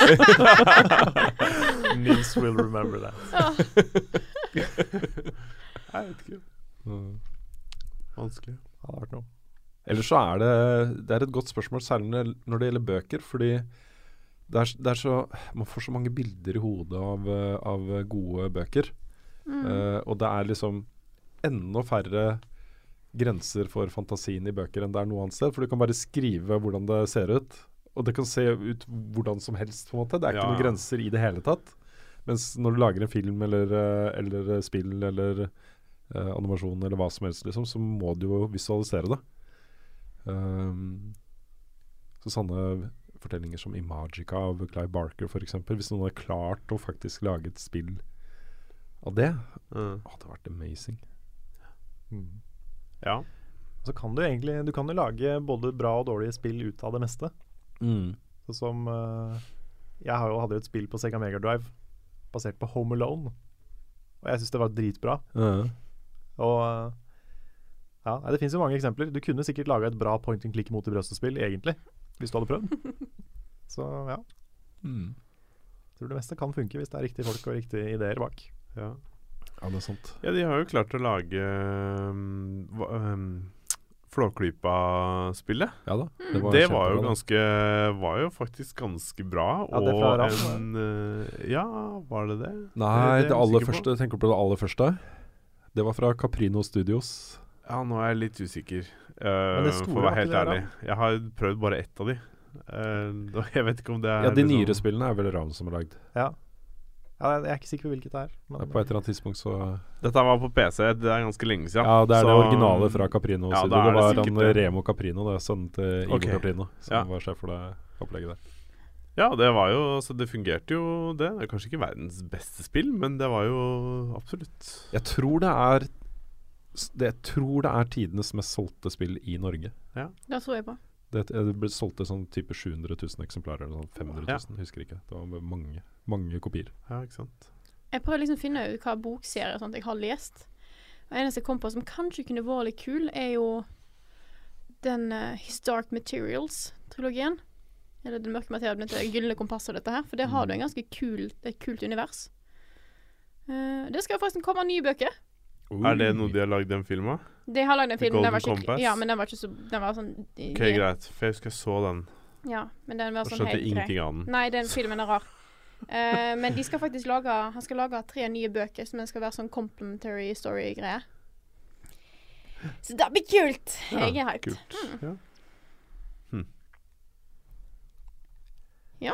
Ja, ehm, jeg har et spørsmål her. Jeg vet ikke om vi klarer å svare på det, men vi kan prøve. Mhm. Det er fra Kristoffer Getto Boys Hansen Leistad. Han spør om dere skulle valgt to karakterer å skrive en erotisk fanfiction om. Hvilke ville det vært? Jesus Christ. Spørsmålet er om du skal velge to karakterer som allerede har en liten uh, thing going, Ja. eller noe som bare ville vært absurd og morsomt. Jeg tenker litt sånn på BJ Blaskowicz og uh, Anja. Ja, da skriver skrevet om de. Nei, jeg vet Jeg hadde jo ikke gjort det. nei, nei, Jeg hadde jo ikke gjort Hvis du måtte, da hadde du skrevet om de. Kanskje. Ja. Altså Hvis jeg skulle skrevet Jeg hadde ikke klart å skrive en erotisk novelle. Jeg, altså Når jeg hørte på Svendsen gjorde det i går, så er det jo liksom Det å beskrive sånne scenarioer og bilder på, på den måten, det er sånn Kunne jeg vært grafisk, så jeg, kunne jeg lett ha gjort det. Da er det bare å kjøre på med whatever. Men, eh, men, men å, å beskrive miljøer og settinger og følelser på den måten der, det blir sånn herre Jeg har ikke lest nok bøker eller er flink nok i eh, storytelling til å klare noe sånt. Mm. Det, da trenger jeg mer tid enn en time, liksom. I hvert fall. Litt sånn apropos, så dere Jeg tror det var Fredrikstad-kinoen som la ut bilde etter å eh, De rydda opp da etter visning av nye Fifty Shades of Grey. Ja, jeg så nei. To store agurker på, på gulvet. Seriøst? Ja, Ja. men Jeg har mistanke om at hele greia er kødd, da. Ja, det, ja. jeg Ikke sant? Ja. Men Jeg eh, jeg Jeg har hørt historier om at folk har funnet igjen ting etter i hvert fall første Fifty Shades of Grey-filmen. mm. Så det kan være de har tullet med det, men det har nok skjedd òg, tror jeg. ja. Men er ikke de filmene egentlig ganske tamme i Jo. forhold til bøkene? For de kan jo ikke Jeg vise hva som helst på filmen, vet du. Nei. Jeg hørte at den andre visstnok skal, skal være bedre, da. Men uh, det er jo eh, Jeg har sett kritikerne på det, er jo ikke akkurat så veldig begeistra. Nei, de får jo slakt, de filmene. Og jeg tenker jo på en måte at hvis, Det er jo en fantasi de skal prøve å vise her. Det er ikke direkte porno, liksom. Så da er det jo det å klare å beskrive det på en god måte. Jeg vet ikke. Nei. Jeg har nevnt dette før, men jeg, jeg klarer liksom ikke å se på spillfigurer som seksuelle Nei. Nei, jeg har også Personer. litt med det. Altså jeg, jeg har ikke den connection til det på den samme måten som med andre medier. Nei. Nei. Av en eller annen grunn. Jeg kommer ikke på noe sånn prima eksempel på to karakterer som jeg ville skrevet om, liksom. Nei, ikke jeg heller. Jeg tror, det, jeg tror det måtte vært i et spill hvor det er en del av liksom uh, lauren i spillet. Altså opplegget. Det Sånn som dere i Heavy Rain, for eksempel. Ja, eller Mass Effect, eller uh, Ja. Mm. Mass Effect har jo sikkert masse erotisk fanfiction. mm. Men uh, sånn som at det fins massevis av uh, erotiske greier rundt Overwatch, f.eks. Dette er jo Om det fins, for Ja, men- altså, Ja, også Jeg vet, jeg vet at det fins. pornoform i tillegg. Ikke sant? Jeg vet, jeg vet det, men at det fins, da, Ja. syns jeg er litt rart. For dette, altså, dette er jo uh, uh, rollefigurer som uh, ikke har noe seksuelt seg imellom i det hele tatt. Eller har jeg misforstått noe? Oi, det er vel noen som har vært kjæreste med noen der, tror jeg. Men det er jo ikke en del av er Nei, nei, nei, I det hele ikke. tatt. Det jo De driver jo ikke og flørter med hverandre. Nei, men det er jo en del backstory, liksom. backstory der, da. Ja. Uh, og nå er ikke jeg 100% oppdatert på de nyeste liksom, backstory-tingene i det spillet, men um, Jeg tror nok ikke det er helt uh, uskyldig der. Hva kan du tenke på? Hva du tenke på da? Det fins definitivt erotisk fanfiction til Mystic Messenger. Å ja, det gjør det nok. Ja. Det, det kan jeg tenke meg. ja. Da ser jeg Mm. for meg at eh, det fins. Mm. Men det er noe med de, de Overwatch-figurene er jo veldig sånn uh, levende, da. De Ja, det liksom er det, det er energi og det, er sånn, Ja, det, det er det er sant, det folk på en måte hekter seg på. Ja. Noen av de har veldig inntilsittende Mm. suits, da. Ja, Det også. De er jo, de er jo litt seksualiserte, mange av de. Eh, Ikke alle, så Widowmaker har er jo de, Men de har bra backstories, ikke sant? Og så er det mm, De gjør de mer ekte, for det er stor variasjon. Sånn som uh, at Tracy på en måte har kommet fram at hun er lesbisk, lesbisk ikke sant? Sånne type ting da gjør at det er veldig um, Hva skal jeg si Det blir mer um, Hjelp meg. Folk connecter bedre. Ja. De får personlighet. Ja, de får liksom en bedre tilknytning til, til de rollefigurene. Mm. mm. Men det aller verste jeg vet, det er de som eh, gjør erotiske greier rundt sånn som Mario, Prinsesse Peach, Ja. Ja. Sonic ja. Ja, der er det ting. Det, liksom. Ja. det verste jeg har gjort i hele livet mitt, det var å google Sonic the Hedgehog da jeg var ung. Ja. Det, det gjør jeg aldri igjen. Nei, Det var veldig mye greier. det er derfor det finnes safe search og sånt i Google nå. Ja. Det er liksom Jeg, syns, jeg kjenner jeg syns veldig synd på små jenter som er into My Little Pony. Ja, fy fader, altså. Det er ikke trygt å google. Nei, det er ikke trygt. Så det er, litt- det er litt sånn. Det er sånn hvis du er, hvis du er ung og syns det er kult med Sonic, så um, stay off Google. Mhm. Regel 34 er én ting, og sånn er det bare. Det, det er det definitivt. Men eh, nei, har vi noen flere eksempler på to figurer vi kunne Nei, vi går videre. Ja. Ja. Jeg, jeg tror når du sa Mass Effect Jeg tror For meg så kunne jeg kanskje, kanskje Shepherd og Liara. Mm. De syns jeg de er koselige. De er liksom alle tre spilla, og uh. de er en bra match. Og de har liksom Føler det er en, det er en bra connection der, da. Uh. Så det føles litt, uh, litt real. Jeg tror jeg måtte skrevet om to helt absurde karakterer. For å prøve å få litt humor inn i det. Hvis ikke så hadde jeg tatt det altfor seriøst. Ja. Mm. ja sitte der og sånn OK. Motivasjon og liksom Ja, ja, Hva sant. føler denne tiden? Og for oppbygning og ja, ja, sant. Hvilke deler av denne personen tenner den andre personen? Ja, Mm. sant. Mm. For jeg har jo veldig sansen for erotikk i uh, bøker. Uh, Clive Barker, for eksempel. Syns jeg er innmari god til, god til det. Mm. Um, så det er ikke altså, jeg, har ikke jeg har ikke noe mot at det fins der, men jeg syns mye av de forholdene som er i spillet, er litt, litt for uh, pregløse til at uh, jeg syns det er naturlig å tenke på det i den settingen. Ja. Mm. Jeg har liksom Jeg har spilt såpass mye JRPGs, eh, og det er noen der som klarer det. Det er veldig mange som ikke klarer det, men jeg syns Final Fantasy 9, til en viss grad 8 eh, og 10, har, en, har noen ganske sånne OK kjærlighetshistorier. Jeg blir investert i de, liksom. Mellom Vivi og Ikke mellom Vivi og uh, det, det er det ikke. Nei. Men uh, det er liksom det er hovedpersonene i eh, de spillene. Har noen fine. mm. Jeg ble jo uh, Jeg grein jo på slutten av Final Fantasy 9 da jeg var eh, liten, liksom. Det var jo mye romantisk i den. Ah. Mm. Så det er, det er noen spill som får det til. Men det er mer romantisk enn det er erotisk, liksom. Mm. Det er veldig Jeg har vel nesten til gode å se et spill som folk takler det bra. Jeg har et uh, veldig bra spørsmål her fra Jakob på uh, Patreon. Forestiller dere at PlayStation, Xbox og Nintendo er tre forskjellige personer. Hvordan ville dere beskrevet deres personlighet? personlighet? Hvem var, det, ja, det var, hvem var det PlayStation og Xbox og Nintendo? Ja. Oi. Xbox er han quarterbacken. Ja. Dead serious mm. uh, sport-typen. Litt sånn muskeldude som bare går litt sånn breialt. Han bare Sånn- I'm exclusive. Med sånn der eh, college-jakke, sånn Ja. eh, Ja. Mm, med Mm. sånn bokstav på. bokstav på. Mm. Ja. Sony eller PlayStation tror jeg ser jeg for meg litt sånn faktisk kulere, litt mer uh... En barista. Ja, Ja. Jeg så for meg litt mer sånn hipster. hipsteraktig. Ja, ja, ja. Jeg, jeg, jeg så for meg det, da. Men Mm. eh, Og litt sånn der eh, Litt over på den der indie-biten, tenker jeg. For de omfavner jo en del der. Så det Mm. blir litt sånn De er litt sånn um, Vil redde verden? Nei, kanskje ikke helt der, men litt sånn Jeg, jeg ser for meg litt sånn stram nerd. Ja. Mm. Litt sånn eh, kanskje i dress. Ja. Eh, som går på skoledress. Mm. Og har litt sånne stramme briller og en, en penn i lomma. Som går rundt og er litt sånn, litt sånn stiv, Mm. kanskje. jeg føler Nintendo er yngre enn Ja. de to andre. Nintendo går i første klasse. På, på videregående, Ja, liksom. OK, takk. Ja. Um, og er på en måte veldig blid. Veldig happy, energisk. Mm, alltid med på fest, og alltid liksom Drikker ikke alkohol på Nei. fest, men bare har den samme energien likevel. Mm. Og bare alltid med på å skape god stemning.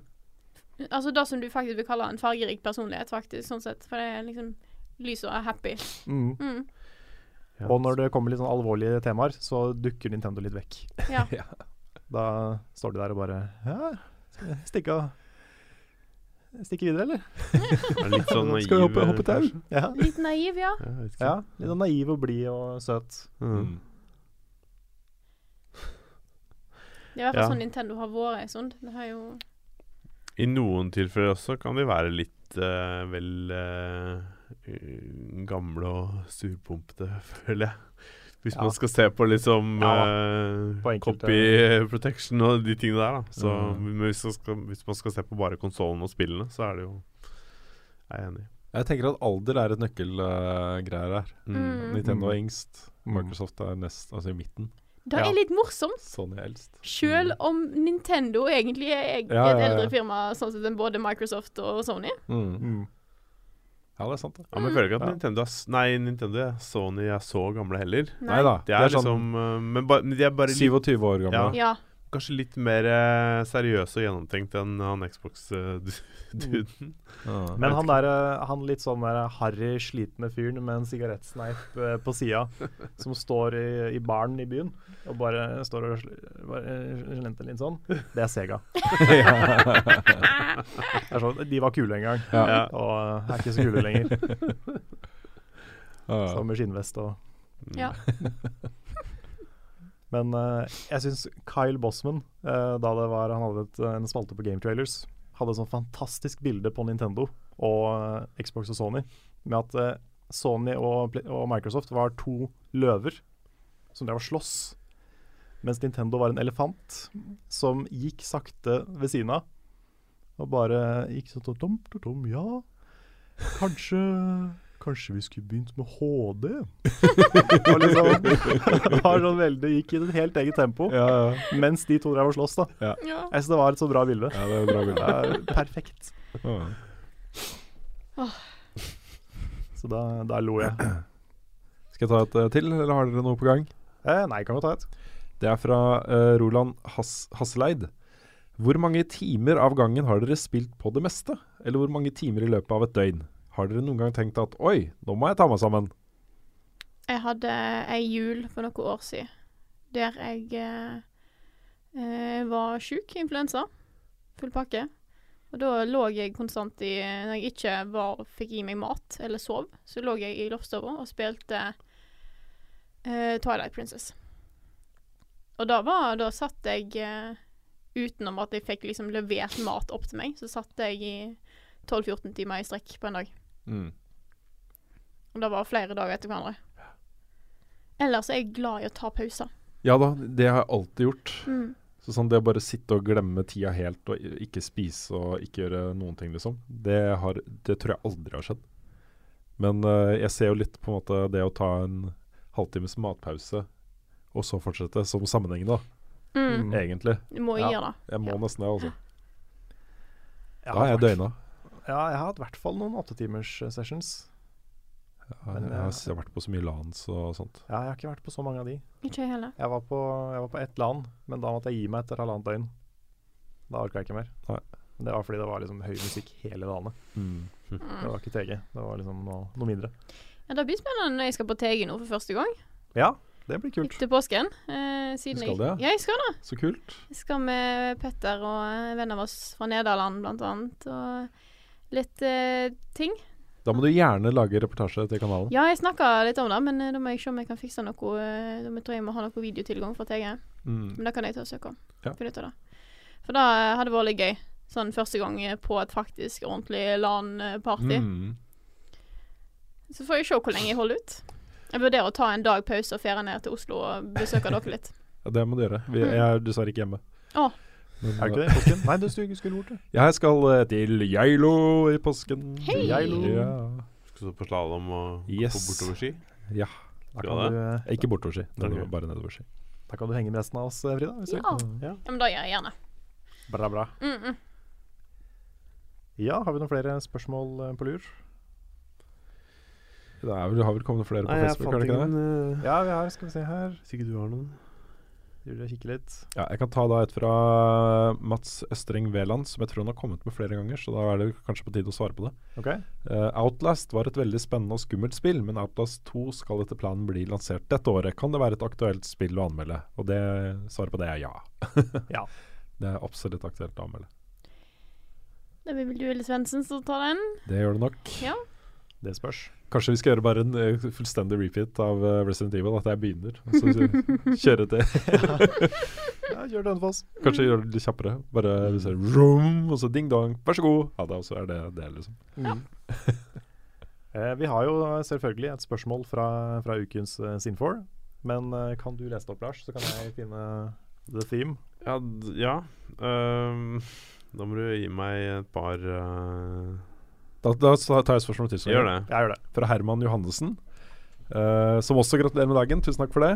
Takk. Um, I og med at det ser ut til at Destiny 2 kommer til å komme til PC i tillegg til PS4 og Xbox One, må jeg legge til. Ser dere for dere at dere kommer til å spille det på PC fremfor PS4, nå som dere har fått nye maskiner, eller foretrekkes fortsatt konsollen for det spillet? Hvilke spill var det snakk om? er leste Destiny- Destiny 2. Ja, OK, selvfølgelig. Ja, det er et veldig godt spørsmål, og jeg, jeg tenker mye på det. Mm. Jeg, eh, det aller viktigste for meg er hvem som uh, gjør hva uh, av vennene mine, liksom, de jeg spiller sammen med. Mm. Hvis alle fortsetter på PS4, Mm. så gjør jeg det også. Mm. Jeg tenkte akkurat på det samme. Men hvis noen da, hvis det sånn- splittes, da får jeg et kjempeproblem. Hvis noen går dit, og noen Ja. går dit. Og, Ja. Hvem er best venner, da? Hvem er det du føler du har lyst til å henge mest med? ikke sant? Ja. ja. Det her blir jo sånn. Hvis jeg ikke hadde venner som spilte Destiny, så hadde jeg valgt PC. Mm. Hvis den versjonen blir bra, da. Det er det jo ikke noe garanti for. Det er ikke alltid PC-portene har blitt Ikke sant? Mm. Så, men nå er det jo Nå utvikles det for PC, PS4 og Xbox One, Uh, som har noenlunde lik arkitektur. Ja, jeg skulle til å si det skal vel være ganske greit nå. Så jeg tror ikke de fucker opp det, altså. Nei. Jeg tror det blir bra. Ja. Men Ja. eh, jeg hadde foretrukket å spille på PC, men uh, det trumfer ikke eh, hvem jeg spiller sammen med. Nei. Men det jeg fort kan se for meg at jeg gjør, er at jeg fortsetter på PS4, men så har jeg en sånn kosekonto på PC som jeg Mm. spiller med av og til. Mm. Ja. Det Yes. Ja. Tenk om det blir crossplay. Det gjør nok ikke det. Nei, kanskje mellom Xbox One og det- PC. Ja, det, det er crossplay i Final Fantasy 14 mellom PS4 og PC. Ja. Men det er tror jeg eneste spillet jeg vet som har det. Men det krever jo ikke noe sånn uh, Der er jo combaten helt annerledes. Ja. Du klarer fint å være kjapp med å trykke på Ja, Det, det er krever, Du det krever ikke presisjon med mus og kontra stikke. Mm, så det er, det er litt sånn funket. øh, Nei, jeg tror det blir litt annerledes. øh. Blizzard har Ja. for, for øvrig gjort uh, et fremstøt nå overfor uh, konsollprodusentene Mm. om å gjøre noe med støtte for mus og tastatur. Mm. Uh, enten eh, støtte det bedre, Mm. eller fjerne støtten i competitive multiplayer. Da. Det, Ja, stemmer.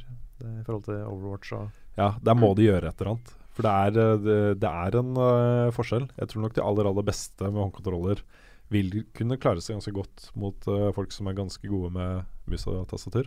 Mm. Men jeg tror hvis du tar den aller, aller, aller beste håndkontrollspilleren i et skytterspill, setter den opp mot den aller, aller beste mus- og tastaturspilleren i et sky samme skytterspillet, så vil mus og tastatur vinne. Det er ganske, Ja ja, hver Mm. gang. Og da er det jo en competitive edge. Yeah. Sant, sant. Yes. Da har vi ukens uh, Sin4.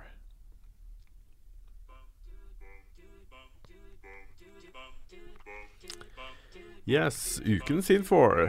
Først vil jeg gratulere dere med ettårsbursdag og tidenes livestream onsdag kveld. Meget hyggelig å være i lokalene sammen med dere og Level Up-fans. Spørsmålet mitt i dag er som følgende. Hva skal til for at kommuner rundt om i Norge kan bruke spill som et samlingspunkt for ungdommer? Burde det være et eget hus, eller kombinert med f.eks. kino? Selv føler jeg at det er lite tilbud for ungdommer der spill er involvert, da spill er en stor del av hverdagen til dagens ungdom og kultur på lik linje som bøker og film. Det er et godt spørsmål. Veldig godt Mm. spørsmål. Svaret på det er også egentlig ganske enkelt. Uh, og det er at du, du trenger en ildsjel. Mm. Skal man få til noe sånt, så trenger man en person som virkelig brenner for det. Som kan mase på kommunen om midler. Som kan liksom få tak i lokaler og ordne arrangementer og sette opp turneringer og Mm. involvere ungdommen og alt det der. Du trenger ildsjeler. Sånn er det egentlig eh, med alt, da. Mm. Uh, men uh, eh, ja. På Mm. toppen av det, da, så kan man jo se for seg at, eh, at det bør være mulig å øremerke noen midler for den type satsing. Sånn at man Ja. ikke har så lang vei å gå fra å liksom ha det brennende ønsket om å tilby den type ting. Ja, sant. Jeg har jo en venninne, eh, Charlotte, som jobber i Tønsberg bibliotek. Hun gjør jo veldig mye for det nå. Hun har jo fått, eh, fått i gang et spillevent eh, på biblioteket nå. Og hun arrangerer jo stadig spillkvelder også, for eh, eh, folk i ung alder. Så eh, jeg håper jo det fins folk rundt omkring som gjør det samme som henne. For uh, jeg vet at de eventene hennes har vært veldig populære. Mm. Det får jo liksom unge folk til biblioteket på en helt annen måte. Så mer av det hadde absolutt vært bra. Jeg tenker bare for at en skal få øremerka penger til sånne ting, så må du ha ildsjeler som kan forklare politikere og sånt hvorfor spill faktisk er et viktig kulturuttrykk. Mm. Eh, for det er ikke sikkert alle langt opp som sitter der og skal be- gi penger til folk, helt skjønner hvorfor spill er en Nei, Hvorfor det er så viktig da, for ungdom i dag. du møter mye motstand hos uh, gamle folk i ledelser. Mm. Det gjør faktisk det, altså. Det er veldig, veldig mye. Så jeg føler Jeg tror spill er på god vei til å få en mer godtatt eh, Eller at folk godtar det som, som at dette er, dette er et ordentlig uttrykk for kultur, på lik linje med film og, eh, eh, film og bøker og sånne ting. Men det har fortsatt litt igjen før de begynner å få disse øremerka pengene til eh, ting som eh, da Som ungdom kan ta mer nytte av. Mm. Jeg har, jeg har holdt eh, et eh, foredrag om spillmediet i dag under en konferanse eh, som var for helsepersonell eh, på Østlandet. Eh, det var da stort sett folk som jobba eh, mot, eh, mot barn og unge, da. Eh, og temaet for hele konferansen var spillavhengighet. Uh, eh, hva gjør man, liksom? Hvis noen kommer til en helsesøster på en skole og sier uh, 'jeg klarer ikke å slutte å spille'. Jeg vet ikke. Et eller annet. Mm. Jeg var der som en slags motvekt da, til det negative fokuset, ikke sant? for å uh, beskrive hvor fantastiske spill er. Mm. Men vi hadde, det var en del spørsmål fra eh, de som var der, som gikk i gate med eh, eh, Altså, du har en, en eh, ungdom som eh, føler seg ekskludert fra liksom lokalmiljøet, nærmiljøet. Det er kanskje et lite sted uh, osv. Men i spill så finner de uh, likesinnede. De finner et sosialt nettverk, de finner venner. De finner, liksom, de finner en verden da, som de ikke har tilgang til der de bor. Uh, og den samlende effekten som spill har på akkurat dette her Jeg har uh, snakka også med flere typer sånne spillhus da, rundt omkring eh, i Norge. eh, hvor de beskriver akkurat det. Der får de inn ungdommer som kanskje føler seg litt ekskludert fra klassen eller fra vennegjengen eller fra nærmiljøet. Men der finner de hverandre. Også der har de en, et felles språk, de har en felles interesse, de har noe felles. Det arrangeres turneringer, og de ser de komme ut av skallet sitt. ikke sant? Så den effekten som den type opplegg har da, for folk, ikke bare de som sliter med ting, men også alle liksom som er interessert i spill, den samlende effekten har er ganske sterk. Mm. Og det er et sosialt tiltak som har noe for seg. Ja, det er helt sant. Mm. Og så er det ing ingenting som er koseligere enn å dra på f.eks. Kons. da. Jeg har jo alltid vært utrolig glad i Desicon, Mm. uh, mest fordi det er det jeg har vært på. Jeg har ikke vært på så mange av de andre rundt i Norge. Men det er bare den hyggeligste stemningen i verden, og du merker så godt at liksom mange, av det, mange av disse her er folk som her får muligheten til å komme ut av skallet sitt. da. Ja. Og det er så hyggelig. Det er liksom, det er noe av det hyggeligste jeg vet om, å være på et sånt con. Mm. Helt enig, altså. Kjempeålreit. Så jo mer av det, jo bedre. Det er derfor jeg også heia så veldig på Pokémon Go i sommer. Mm. Fordi det var litt det. Ja. Det var en sånn her samlende, hyggelig ting for alle som spilte Pokémon. Og Ja, og mange som ble solbrune ja, ja. for første gang i sitt liv. Kom i bedre form den sommeren. Men det var så sånn her Bare det å møte en fyr jeg aldri har snakka med før, som bare Ja, dere ser jeg en Scyther borti her. Det bare Ja, kult. Så kommer vi bort der og så prater litt. Mm. Det var bare veldig hyggelig. Ja, kjempehyggelig. Så jeg savner det. Det, det er det som er synd med at det spillet har dabba av. Mm. Vi må eh, ta et siste spørsmål, hvis vi har et siste. Hvis ikke så må vi runde av, fordi du skal rekke et tog, Frida. Da stemmer. Mm. Det skal du. Det var bare en eh, kort uh, Oslo-visitt, dette her. Men jeg føler jeg har gjort så mye. Vært med på stream og vært ute og tatt, uh, tatt en pils og podkast og alt sammen. Helt fantastisk. Rekke alt. Du har faktisk vært med på åtte timer med content. Ja. sånn. Det er imponerende. Ja. Ja, ja. Mm. Ja. Nei, men eh, jeg har Er det noen noe- flere spørsmål fra Facebook? Nei, jeg Nei. har egentlig ikke det som jeg føler Se så hvis du har noe. Ja. Da kan vi runde av. Da runder vi av. Men eh, ja, da gjenstår det egentlig bare å eh, først og fremst takke Frida for at du ville være med i dag. Det er bare hyggelig. Dette er jo så kos. Det er bra. Uh, Sitte i to timer og nerde snakke om spill, det er, Mm. hva er bedre ja. enn det, liksom? Nei, sant? That's what we do. Yep. Å snakke med dere. Mm. Mm. Eh, og så ikke minst må vi takke alle som har nå i et år vært med og støtte oss og bygge oss opp på Patrion og utenom. Jeg må gjenta det tallet der, altså. Fordi de tolv første månedene på Patrion så har vi samla inn 105 000 dollar. 105 000 dollar, altså. Wow. Mm. Og det har ligget ganske stabilt på rundt 1000 backere i måneden. Og vi hadde jo forventa en ganske solid nedsving, liksom, etter at nyhetens interesse var over og sånt, men at den har vært helt stabil gjennom hele året. Litt uh, svingninger har det vært. Mm. Det er helt vanvittig. Ja. Helt crazy bra. Det er det. Så eh, tusen, tusen takk. Tusen takk. Mm. Nå har dere gjort at vi har kunnet sitte her et år og eh, jobbe med det vi brenner for. Med de folka vi vil jobbe med. Og håper på mange år til. Ja. Det handler vel så mye om det for meg. Jeg tenker sånn Jeg kunne stått og skrelle poteter hvis jeg kunne jobba med den level up-gjengen vår. Liksom. Jeg Mm. syns det er kjempe kjempegøy. Hvor mange ganger i ditt liv har du skrelt poteter, Karl? Kan jeg spørre om det? Jeg har skrellet poteter i hvert fall tre ganger. jeg tror det kanskje er tre ganger. Tre ganger, Ja. Jeg, det, er, det blir ikke så mye poteter hjemme. Nei. Det gjør ikke, gjør ikke det, altså. Men uh, ja, nei. Det, det er kjempegøy. Så jeg vil, eh, jeg vil fortsette med dette her lenge. Så takk for alt, folkens. Og så avslutter vi med ukens spillsitat. Splish.